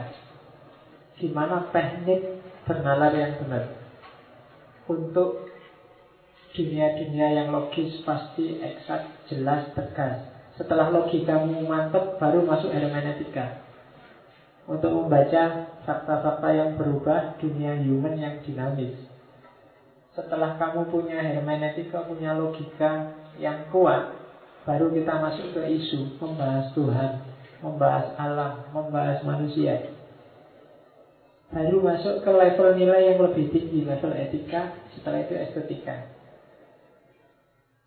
setelah itu baru sah kamu jadi filosof. Ya, paling tidak filosof tentang hidupmu sendiri. Karena kemarin kalau katanya Rogo Warsito kan ketika dunia sudah edan, yang paling selamat adalah orang yang sadar. Eling lang podo itu kan orang yang sadar. Buddha juga begitu. Orang yang paling selamat adalah orang yang sadar. Islam juga gitu kan? Maka kamu disuruh sadar tiap hari. Tiap hari diingatkan takwalah Diingatkan rajin lah diingatkan oh, Selalu diingatkan biar kamu sadar. Jadi intinya kesadaran. Cuma bagi saya kesadaran dasar adalah kesadaran eksistensial. Siapa dirimu Kenapa kamu begini, kenapa kamu begitu Seperti apa karaktermu Apa yang kamu inginkan Ke mana tujuanmu itu kesadaran eksistensial. Kamu harus punya ini dulu. Kalau sudah punya ini, kamu akan karaktermu akan kuat. Kamu ada di pihak mana pun, di kelompok mana pun, dengan gaya hidup apa pun, karaktermu akan kuat. Ketika identifikasi darinya sudah bagus. Jadi target saya memang bikin kamu untuk jadi filosof Tapi tidak harus muluk-muluk Jadi filosof untuk dirimu sendiri aja jadi hasilnya adalah pribadi yang sadar diri. Nanti coba dibaca filsafat egonya Iqbal. sadar diri, dari sadar diri jadi tahu diri, dari tahu diri jadi percaya diri dan dari situ akan orang bisa kenal Tuhannya. Kalau sudah kenal Tuhannya, jadi insan kamil. Kalau sudah jadi insan kamil, kamu bisa manunggal sama Tuhan. Dan, dan jangan diartikan letter manunggal sama Tuhan itu bersatu sama Tuhan. Tapi karaktermu adalah karakter ilahiyah. Kalau kamu jalan, kalau istilah sufinya kan kalau kamu jalan pakai kakinya Tuhan. Kalau jadi perilakumu ada perilaku gambaran karakternya Tuhan. Bukan berarti kamu terus jadi Tuhan. Tuhan Maha Penyayang dan kamu adalah sosok yang penyayang. Tuhan Maha Bijaksana, kamu adalah sosok yang bijaksana. Tuhan adil, kamu adalah sosok yang adil. Itu namanya takholak di ahlakillah. Dan itu yang sering disalahpahami orang. Manunggali kawulo gusti. Cuma ini levelnya tinggi. Kalau saya ngomong manunggali kawulo gusti nanti masuknya malah tidak di bab tentang agama tapi bab tentang estetika. Ya nanti gimana cenderungannya semua kita nyampe makom itu nanti. Tapi itu tidak sederhana.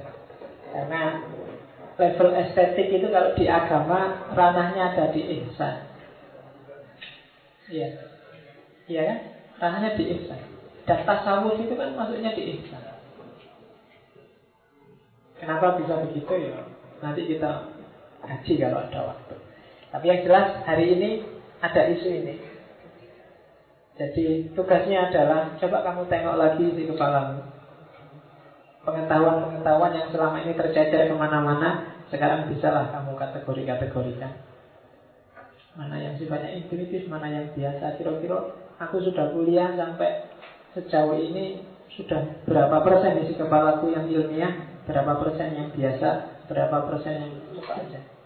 Atau jangan-jangan nggak jelas, saya juga nggak tahu isi kepala saya apa. Iya. Ya boleh lah dari dari sekian atau kamu kosongin aja sekarang yuk diisi pelan-pelan lagi. Saya dulu gitu. Saya dulu punya trip. Setiap hari saya punya prinsip saya harus dapat satu pengetahuan. Zaman saya mahasiswa. Pengetahuan apa aja? Gak harus pengetahuan canggih, gak harus pengetahuan buku. Dulu saya punya kalkulasi, kalau sehari saya dapat satu aja pengetahuan, maka setahun saya dapat 356 pengetahuan.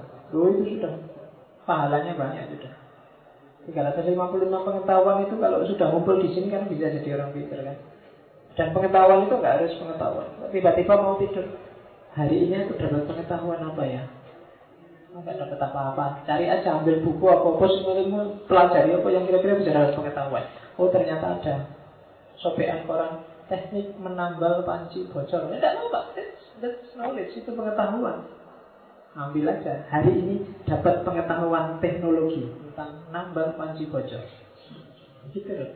Di mana-mana ada banyak ilmu, ada banyak pengetahuan. Makanya Imam Syafi'i bilang, kalau waktuku lewat, dalam waktu yang lewat ini nggak ada satupun ilmu. Ilmu itu kalau di Arab, ilmu itu kan sama pengetahuan knowledge. Maka Aku akan sangat menyesal, aku akan Dia merasa sia-sia aku itu Waktu aku lewat nggak ada pengetahuan satu pun yang aku dapat Nah, bikin aja itu prinsip Kalau habis ngobrol bareng-bareng terus Eh sebentar-sebentar sebelum kita ngobrolnya bubar Kira-kira dari ngobrol ini kita dapat pengetahuan apa Ayo, satu Oh, Kesimpulannya adalah kita dapat pengetahuan bahwa ternyata orang itu kalau sedang marah bisa kayak gini ya. Oh ya sudah sip, hari ini pengetahuannya itu. Oh itu bagus kamu bareng-bareng tercerahkan namanya. Jadi kalau sudah ngerokok gitaran bareng-bareng sebentar-sebentar. Cari pengetahuan apa hari ini? Oh ternyata kalau cewek pakai bikini itu, nah itu kan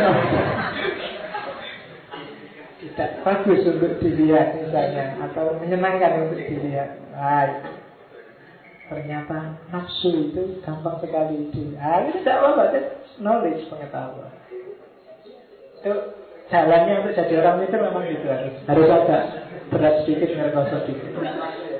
Oke, ceramahnya sudah. Kalau ada pertanyaan, silahkan. Kalau nggak ada, alhamdulillah. Ya.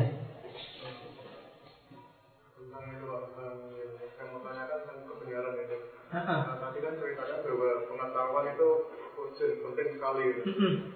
uh, kemudian pas pertemuan yang lalu itu yang tentang pengantar filsafat itu kan ternyata kebenaran itu selalu berperan, selalu mengalami diskursus dari waktu ke waktu, dari hmm. orang ke orang, dari tempat ke tempat gitu. Hmm. Dan kalau kebenaran saat ini dengan tak apakah berarti kemudian uh, di dalam suatu kebenaran itu ada potensi kesalahan? Apakah kemudian bisa dibalik di dalam suatu kesalahan itu jalannya ada potensi kebenaran? Lalu apa esensi kebenaran yang harus kita pahami dari yang itu?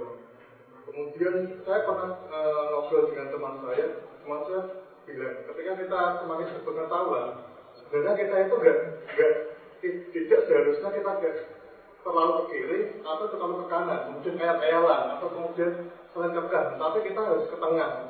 Ke tengah kita terbuka, kemudian tidak menghakimi. Selalu yang jadi pertanyaan saya, uh, kemarin ketika kita berpikir, kita harus bertanggung jawab. Apakah Lalu gimana keterpihakan kita terhadap, terhadap suatu masalah ya? Itu yang pertama itu. Kemudian yang kedua, uh, knowledge is power. Saya melihatnya sering kali yang terjadi, yang jadi masalah adalah tentang pengetahuan ilmiah itu selalu bertentangan dengan uh, lokal pengetahuan masyarakat sendiri. Gitu. Dan pengetahuan ilmiah itu selalu diukur dengan hal yang ekonomis. Lalu gimana posisi kita di antara dua hal itu? Oke. Okay. Uh, si, si. Ini belum tak masukkan ya yang perilaku filosof. Ini kemarin. Kalau yang kebenaran nanti kita akan ngomong khusus tentang kebenaran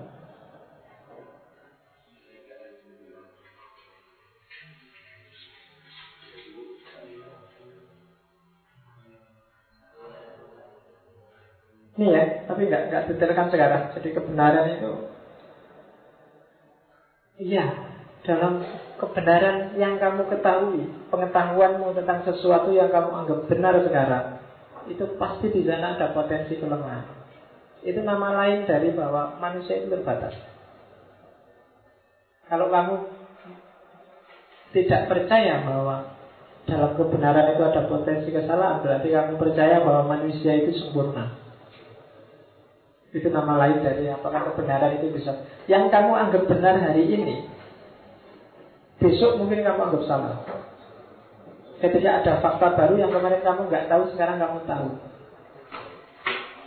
Adi bin Slamet itu ketika dulu ketemu ayam subur pertama Begitu jatuh cintanya dia Bertahun-tahun nggak Begitu dia lihat fakta-fakta baru Maka sekarang konversi dia balik. Jadi musuhnya ayam subur. Dalam kesalahan juga begitu. Yang kamu anggap salah apa pun itu Orang, teori, ide, organisasi Atau apa pun itu Pasti di sana ada potensi kebenaran Yang mungkin kamu cuekin karena kamu anggap dia Di luar konteks. Ahmadiyah itu mungkin bagi kita keliru, salah Ideologi tertentu. Tapi mungkin variabel-variabel tertentu dari Ahmadiyah luar biasa. Kalau nggak percaya coba kamu baca buku-bukunya orang Ahmadiyah. Soekarno itu banyak diinspirasi oleh Buku-bukunya Mirza Ghulam Ahmad. Filsafat agama Islamnya luar biasa. Meskipun filsafat kenabian, filsafat tanahnya kita nggak setuju. Tapi banyak bagian yang ini lebih cerdas dari orang Sunni. Si ah yang tidak kita setujui apalagi banyak bagian-bagian yang luar biasa. Kemarin kamu sentuh sama Pak Sofwan yang ngajarin filsafat Islam, itu kan khazanahnya banyak khazanah-khazanah Syiah. Dan luar biasa. Cuma bagi orang yang nggak seneng pokoknya yang dari si A itu Padahal ada mungkin ada potensi-potensi benar. Ya ada salahnya juga. Orang yang tidak suka itu biasanya yang dilihat salahnya saja. Sementara orang senang itu biasanya yang dilihat jeleknya saja. Kelompok yang suka dengan khilafah Maka dia akan mencari bagus-bagusnya khilafah Dan mencari jelek-jeleknya demokrasi Itu wajar manusia Yang luar biasa adalah Meskipun aku pro khilafah tapi aku tahu kok dalam sistem khilafah masih ada beberapa kelemahan Dan dalam demokrasi yang aku tidak setuju ada beberapa kelebihan. Jarang orang yang bisa begitu. Dan itu sebenarnya kalau kamu sadar kayak gini itu Maka kamu harus selalu terbuka Open. Cirinya filosofi itu kan kayak kemarin saya bilang Kamu harus open mind. Jangan jadi orang tertutup. Saya nggak tahu apakah open mind itu maksudnya di tengah tidak ngeblok kiri atau ngeblok kanan. Yang jelas kamu harus meskipun kamu ada di kiri, kamu tidak buta tentang kanan. Meskipun kamu ada di kanan, kamu tidak sewenang-wenang dan merasa bahwa kiri pasti jelek dalam hal apa pun. Yang tidak setuju Islam liberal percayalah dalam ide-ide tertentu Islam liberal itu ada yang bagus dan luar biasa. Kamu yang tidak setuju Islam Islam kanan, ada beberapa idenya yang mungkin harus kamu tahu. Karena itu penting mungkin kondusif bagi identitas keislamanmu. Pasti ada yang itu. Jadi maka boleh kok kamu memegangi yang selama ini kamu anggap benar Bahkan harus karena hidup membutuhkan kamu perlu pijakan tertentu Tapi tidak berarti bahwa kamu terus tertutup sama sekali dari alternatif-alternatif kebenaran yang baru. Bahwa kita sudah punya pedoman final ya, tapi pemahaman setiap orang terhadap pedoman final itu kan tidak sama. Sesuai kapasitasmu masing-masing dalam koridor keterbatasan kita sebagai manusia.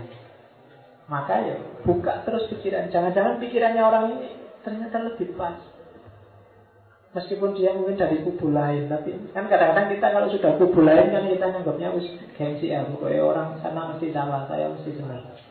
Itu biasanya sumber konflik. Jadi kebenaran untuk sementara sifatnya tentatif. Tentatif itu pending. Dalam dunia filsafat kebenaran pending itu pending dulu. Mungkin ada wawasan baru. Tapi untuk praksis hidup sehari-hari kamu butuh kepastian maka gabungkan dua ini antara tentativity dengan certainty, antara kepastian dengan kesementaraan. Untuk praktis kamu butuh pasti loh. Kamu butuh yakin bahwa benda itu kalau dijatuhkan akan ke bawah untuk gravitasi. Tapi bukan berarti ini final. Kamu boleh mengkritik hukum gravitasi karena setiap teori, setiap konsep, setiap ilmu masih dalam tanda petik. Bisa direvisi ulang. Pemahaman terhadap Quran semula A mungkin besok bisa B ketika ada fakta-fakta baru. Dulu orang menafsirkan wasamsu tajri li mustaqorrilaha. Matahari itu mengelilingi bumi. Ya kan? Zaman orang belum ngerti bahwa yang mengelilingi itu buminya bukan mataharinya. Begitu ada fakta baru, oh berarti pemahamanmu kemarin salah. Kan nggak mungkin yang salah Qurannya kan? Pemahamanmu yang keliru. Gitu. Kalau kamu nggak ngeyel pokoknya ada kan saya kemarin diskusi ulama yang yang enggak tetap benar Al-Quran. Matahari yang mengelilingi bumi. Meskipun ada fakta enggak itu mesti keliru salah lihat kalau Al-Quran bumi itu datar ya mesti datar bumi itu. Sudah terbukti dari teleskop dari luar angkasa dilihat bumi itu bulat. Saya melihatnya dari luar angkasa. Lihat itu ya di bawah bumi. Kalau dari luar angkasa kan bisa berubah-ubah gitu Oh, nanti menunggu Ya, ya. Kebenaran, jangan ditutup. So pengerti ada fakta baru, kebenaran baru. Jadi kadang-kadang kita hari-hari ini kan sering menutup epistem. Saya sering membayangkan karena mumpung saya mengkaji tentang Imam Mahdi karena saya membayangkan seandainya Imam Mahdi beneran datang, apa kamu mau terima? Seandainya besok ada orang dia benar sudah diutus Allah jadi Imam Mahdi terus dia bilang saya ini Imam Mahdi yang ditugaskan oleh Allah. Kamu mesti kan langsung sesat, mesti gitu. Kamu percaya bahwa besok Nabi Isa itu akan turun di akhir zaman. Kamu sudah percaya bahwa era-era ini adalah akhir zaman. Tapi kalau tiba-tiba ada orang ngaku, saya ini Nabi Isa.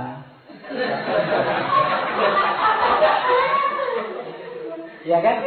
Kamu mesti akan mengkafir-kafirkan, menyesat-nyesatkan dia. Kamu sudah, iya, itu salah satu bukti bahwa jangan-jangan kita ini sedang sedang dilanda wabah. Pikiran kita wis buntu, tidak percaya. Meskipun itu Nabi Isa bener, kamu tidak akan percaya. Apalagi kalau Nabi Isa nya Nabi Isa kok pakai jin, Nabi Isa itu kan harusnya cuma pakai celana dalam terus rambutnya panjang rambutnya panjang. Kalau ada orang kayak gitu beneran datang padamu, mungkin kamu lempari bu anggap orang lagi stres. Ya kan? Tiba-tiba ada orang rambutnya panjang, jenggotnya panjang, pakai kancut aja celana dalam terus datang padamu. Eh, ini Nabi Isa datang. Kamu mesti langsung, oh, ini mustahil, mesti gitu kan? Iya. Coba dicermati lagi. Jangan-jangan mentalitas kita sekarang mentalitas saya baca di mana itu mentalitas Indonesia hari ini adalah mentalitas suudon. Jadi apa-apa yang keluar duluan adalah tuduhan jeleknya. Kalau ada orang naik haji, pejabat naik haji, ah, itu mesti uang hasil korupsi. Kalau ada DPR keluar negeri, ya itu jalan-jalan menghabiskan uang rakyat. Kalau ada pokoknya pikiranmu elek Kalau ada pejabat naik mobil, ah, hasil korupsi. Kalau ada temanmu punya pacar cakep, ah itu sudah sisanya orang banyak. Pokoknya pikiranmu ya dok, nggak pernah mikir yang bagus-bagus. Ya kan? Kalau ada temanmu nilainya bagus, ah itu mesti KKN sama dosennya. Ah, pokoknya nggak ada yang bagus bagi kamu sekarang. Kalau nggak percaya, coba bacalah komentar setiap berita di website detik apa kompas coba baca komentar. Berita yang paling bagus sekalipun ada komentar jeleknya. Coba aja dilihat ayo uji meninggal. Wah kamu anggap semua. Coba dicek. Ada aja yang komentar jelek makanya kalau sedang sakit jangan naik motor.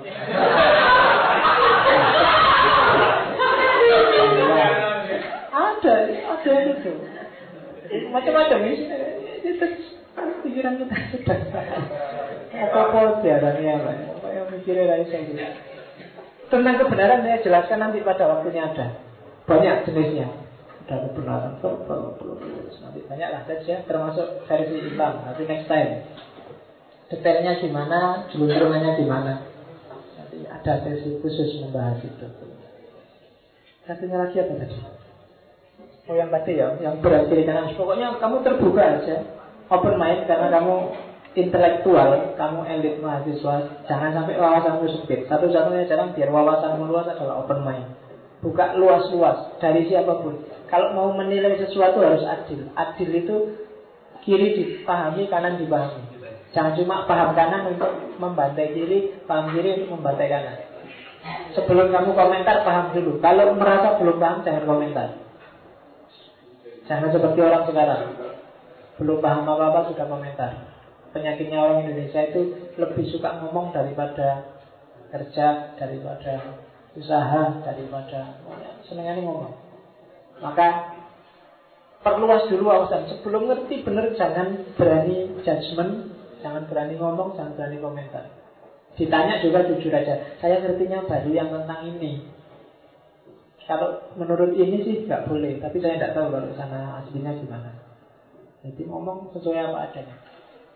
Jangan SOK. Ya, karena sekarang banyak orang. Iya, sok. Sok pinter, sok gaya, sok filosofis, sok rasa kalian sok. Soknya dibuang tadi. Bagus. Kamu memang harus pinter, harus gaya, harus filosofis, harus itu tidak apa-apa. Tapi soknya juga. Kalau sok itu cuma untuk tampilannya aja. Kiai itu bagus, tapi kalau sok kiai itu benar. Sok kiai pakai serban, pakai sajadah, pakai itu. Imami pakai kuliah ya kafirun keliru. ya kan? Jadi jangan sok, biasa aja. Pokoknya saran saya itu. Apalagi kamu ikut kuliah filsafat ini, pikiranmu harus benar-benar terbuka. Kalau enggak, harus kamu potong banting mesti. Besok mesti enggak datang lagi.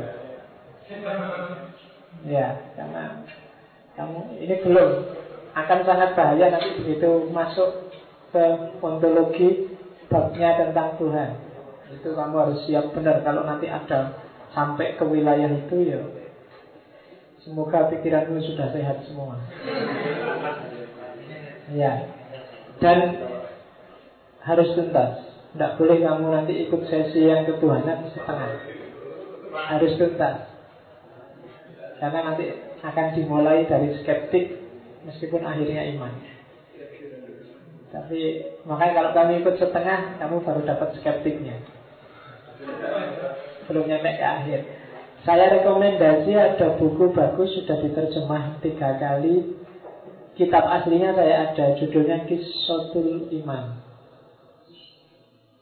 Kelihatannya diterjemahkan dengan judul Kisah Mencari Tuhan. Itu isinya para Cuma bukunya agak tebal Ya resikonya agak mahal Ya. Urunan aja untuk beli Tapi kalau kamu mau ngopi aja saya punya.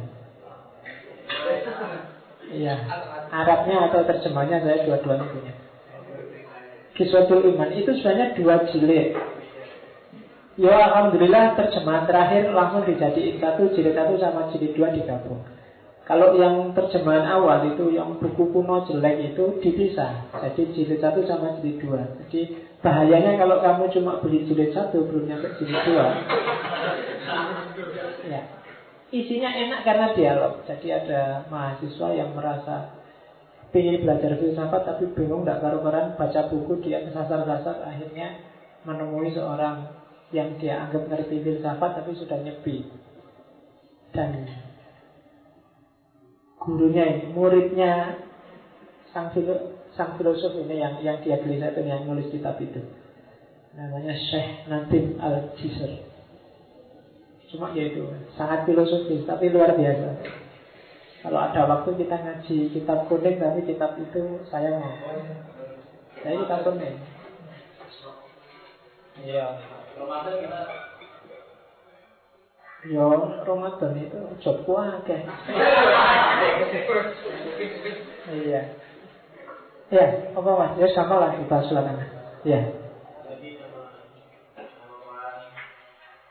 Syekh Nadim Al Jisr.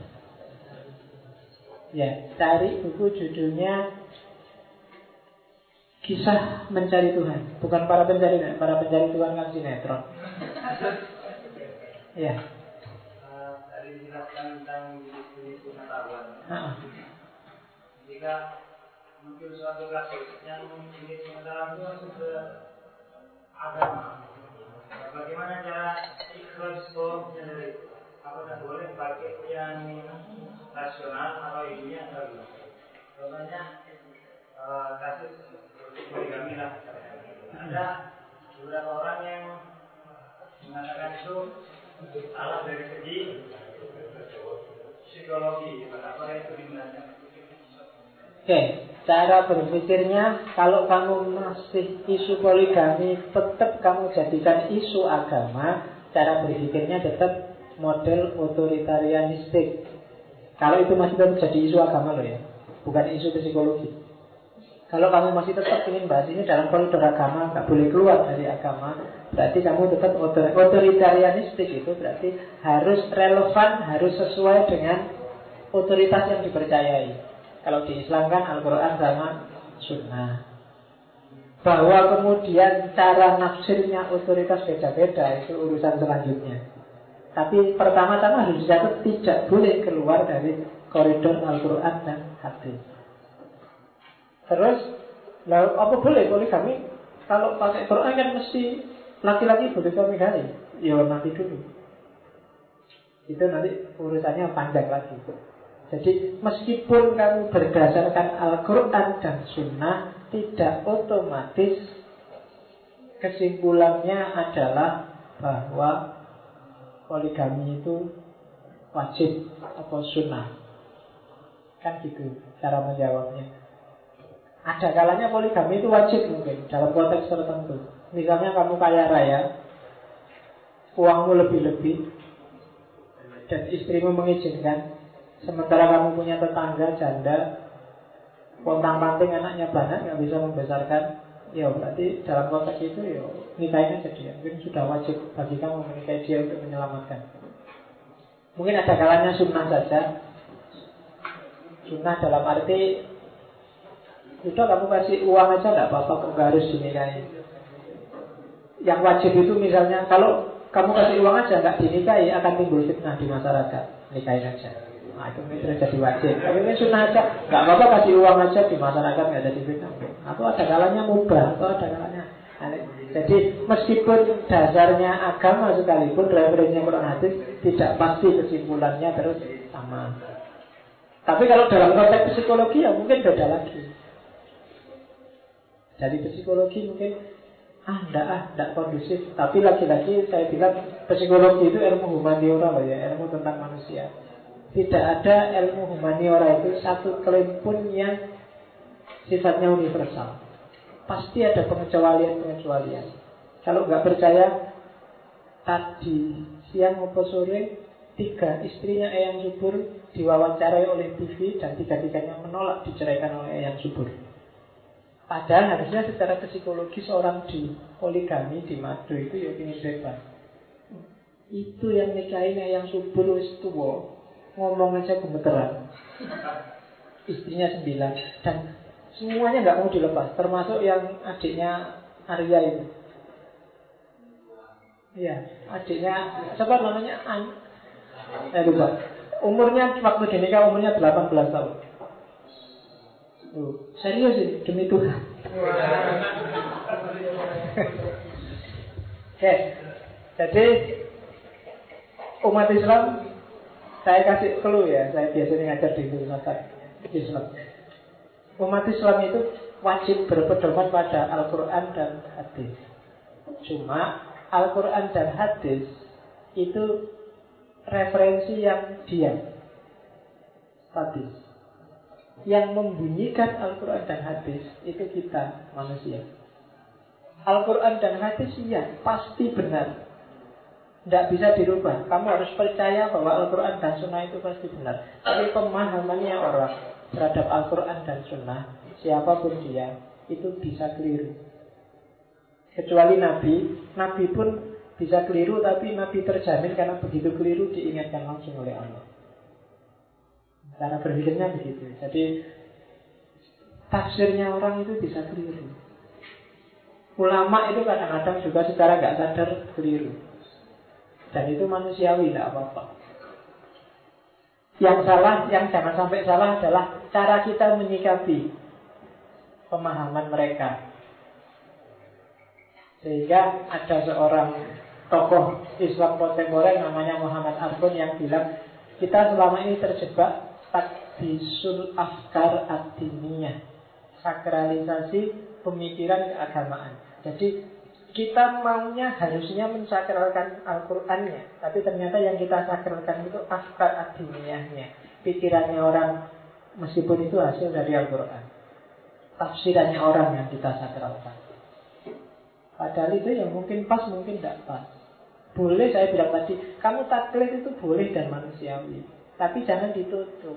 Jangan taklid buta. Taklid buta itu salah benar pokoknya melu. Wis jelas salah tetap melu. Itu namanya taklid buta. Taklid itu manusiawi, tapi kalau kamu tahu keliru ya jangan ditakliti. Kalau kamu tahu keliru ditakliti itu namanya taklid buta. Itu yang tidak boleh. Kamu sudah tahu bahwa doktermu itu ngasih racun, ya jangan diterima meskipun kamu pasien harus taklid ke dokter. Kan gitu. Jadi cara berpikirnya seperti itu. Ada lagi? Ya. Cuma mau nanya sedikit review aja soal mengenai intuisi dan imajinasi. Karena menurut saya yang mau menerima selama ini muncul sebuah intuisi itu ada imajinasi.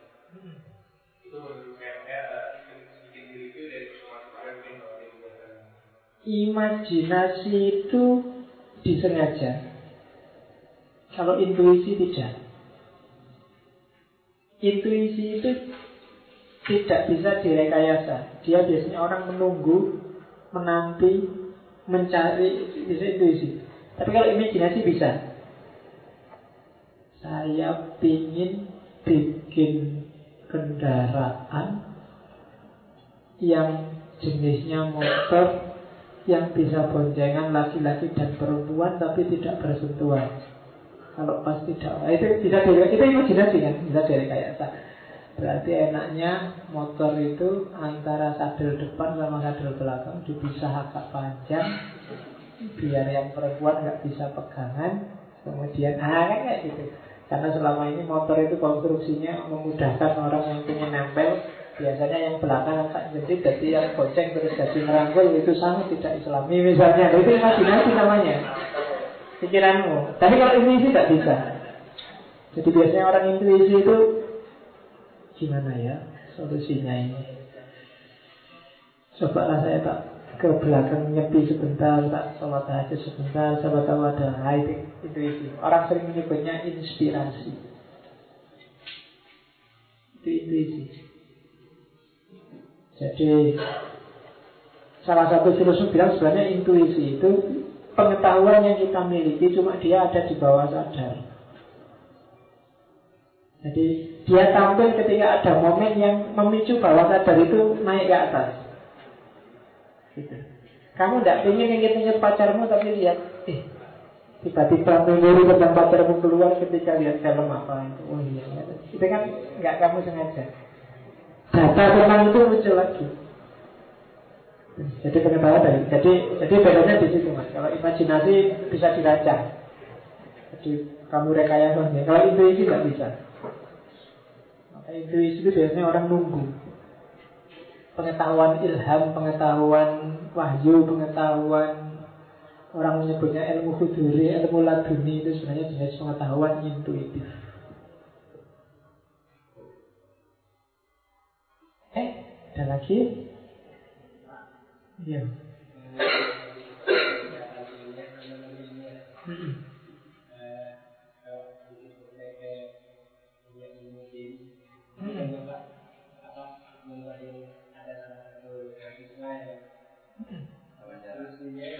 Nah, ini ya. Saya jadi ingat ada seorang guru bilang kalau dunia itu diuji dari dua wilayah. Mungkin tadi kita punya mungkin gila. ada yang mengatakan banyak sekali hadis-hadis yang imajinatif hasil dari dialog dia dengan Rasulullah mungkin dalam bukti dan Ya, tapi kalau diuji dengan teori kelayakan sampai saat ini dia belum mungkin masih sangat apa masih sangat relevan. Dalam artian banyak orang yang mengaku kepada kita itu bagaimana Oke, yang jelas ilmiah dan tidak ilmiah tidak ada hubungannya dengan benar dan tidak benar, apalagi dengan fungsional dan tidak fungsional. Tidak ada. Parameternya ilmiah secara umum adalah empiris dan rasional. Jadi semua yang ilmiah itu dia pasti empiris, ada faktanya, ada bukti nyatanya, dan atau rasional. Masuk akal. Tuh. Kemudian untuk kasusnya Ihya secara saya tidak tahu maksudnya kelayakan itu. Kelayakan itu mungkin maksudnya sesuai dengan standar keilmuan. Kalau hadis ya standar keilmuan hadis. Kalau ayat ya berarti standar keilmuan tafsir keilmuan Al-Quran. Mungkin banyak. Cuma berarti itu dari sisi keilmuan agama mungkin dia levelnya dianggap tidak valid tapi dari sisi fungsional mungkin dia valid apa-apa kan nanti ketika masuk kebenaran akan jelas ada jenis-jenis kebenaran ada kebenaran pragmatis, ada kebenaran korespondensi, ada kebenaran koherensi macam-macam. Nah, mungkin yang Ghazali, yang Ihya Ulumuddin itu secara pragmatis dia benar karena fungsional, jalan, bagus. Tapi secara koheren dia keliru. Kenapa? Karena dia tidak koheren ngomong hadis tapi tidak nyambung sama ilmu hadis. Keliru dari sisi ilmu hadis itu namanya nggak koheren. Mungkin kasusnya seperti itu. Jadi ya, ya memang kasus dan ini tidak ada hubungannya dengan mana yang lebih benar, mana yang kurang benar. Tapi urusan metode. Tergantung kira-kira Ghazali nulis nulis ihya itu tujuannya apa? Dia mau berwacana, berdiskusi, atau dia sebenarnya ingin mengubah masyarakat pola perilaku keragamannya. Kalau memang visi dan misinya Ghazali adalah mengubah perilaku budaya umat Islam yang tidak spiritual jadi spiritual, mungkin dia sukses dengan itu, meskipun pertanggungjawaban saintifik keilmuan agamanya perlu dipertanyakan. Cara berpikirnya begitu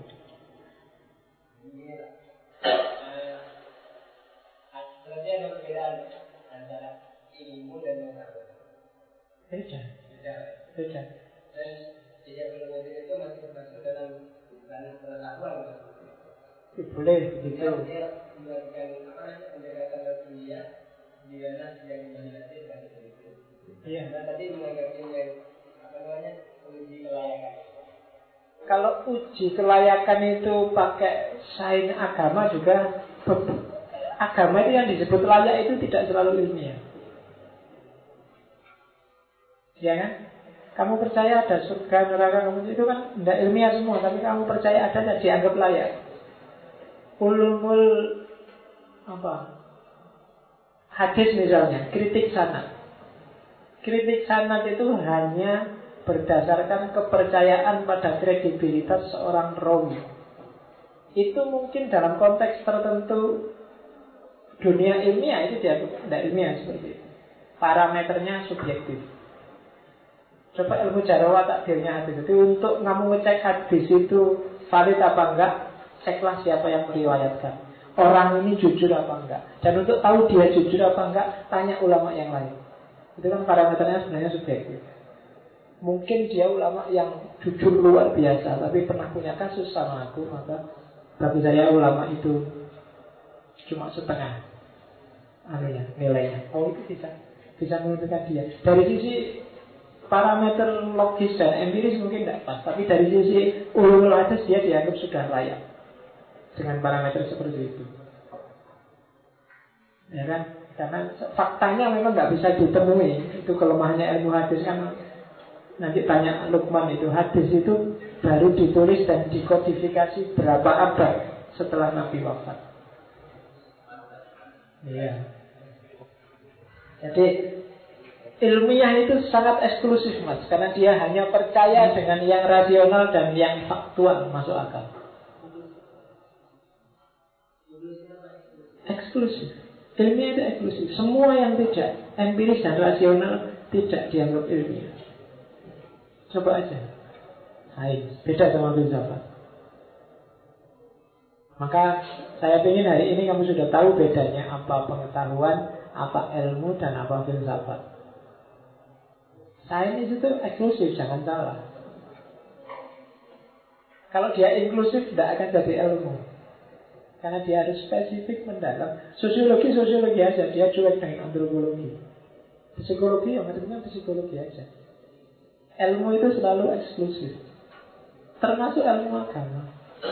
Kayak tadi misalnya ilmu agama kan itu poligami menurut Al-Quran ilmu agama. Meskipun psikologi bilang itu nggak kondusif, itu kan psikologi. Dia sendiri juga eksklusif karena ilmunya. Siapa bilang orang kami muslim? Ilmu itu mesti eksklusif. Sesuai dengan wilayah kajiannya sendiri. Maka muncullah ide-ide menghubungkan dikotomi ilmu dan agama. Karena dua-duanya eksklusif.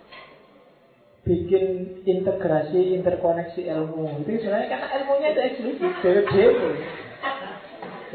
Kalau dia tidak eksklusif terbuka, nggak perlu kamu integrasikan wis nyambung dewi. Nggak perlu kamu diskusi tentang dikotomi ilmu umum dan agama. Tapi karena dia eksklusif, perlu dicarikan jembatan untuk menyambungkan. Nah, gitu. Makanya Uin bikin jembatan.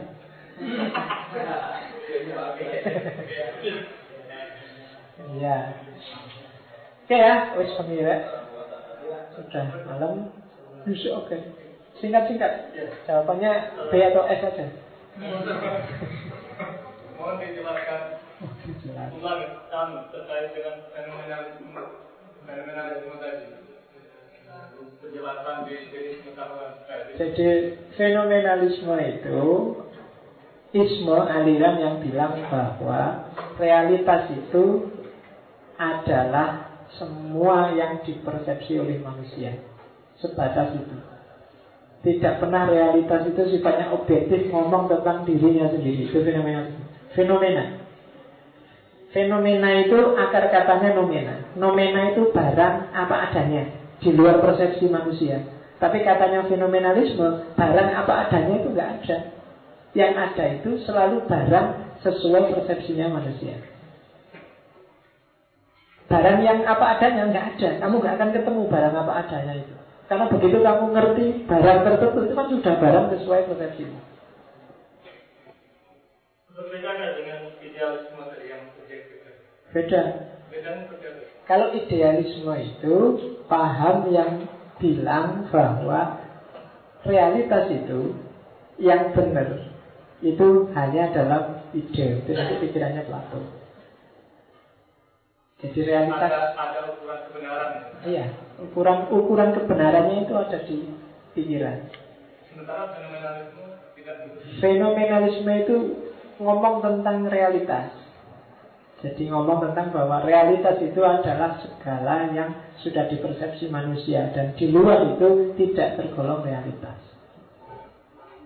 Di luar yang tidak dipersepsi manusia. Karena segala hal itu ya begitu kamu tahu kamu bahas kan itu namanya sudah kamu persepsi. Itu fenomenalisme. Untuk lebih jelas carilah kalau tentang fenomenalisme tokohnya adalah Immanuel Kant. Nah, kamu baca Immanuel Kant. Kalau idealisme adalah yang punya paling awal itu Plato. Kamu baca Plato dulu. Setelah dari Plato kemudian masuklah ke para filosof Jerman. Puncaknya ada di Hegel. Idealisme. Jadi kalau filsafat kontinental gitu. Jerman itu terkenal idealisme. Kalau Perancis itu terkenal empirisme. Kalau Amerika itu pragmatisme. Kalau mana lagi? Eh, balik. Inggris itu empirisme, kalau Prancis itu rasionalisme, kalau Jerman itu idealisme, kalau Amerika pragmatisme, kalau Indonesia itu terorisme.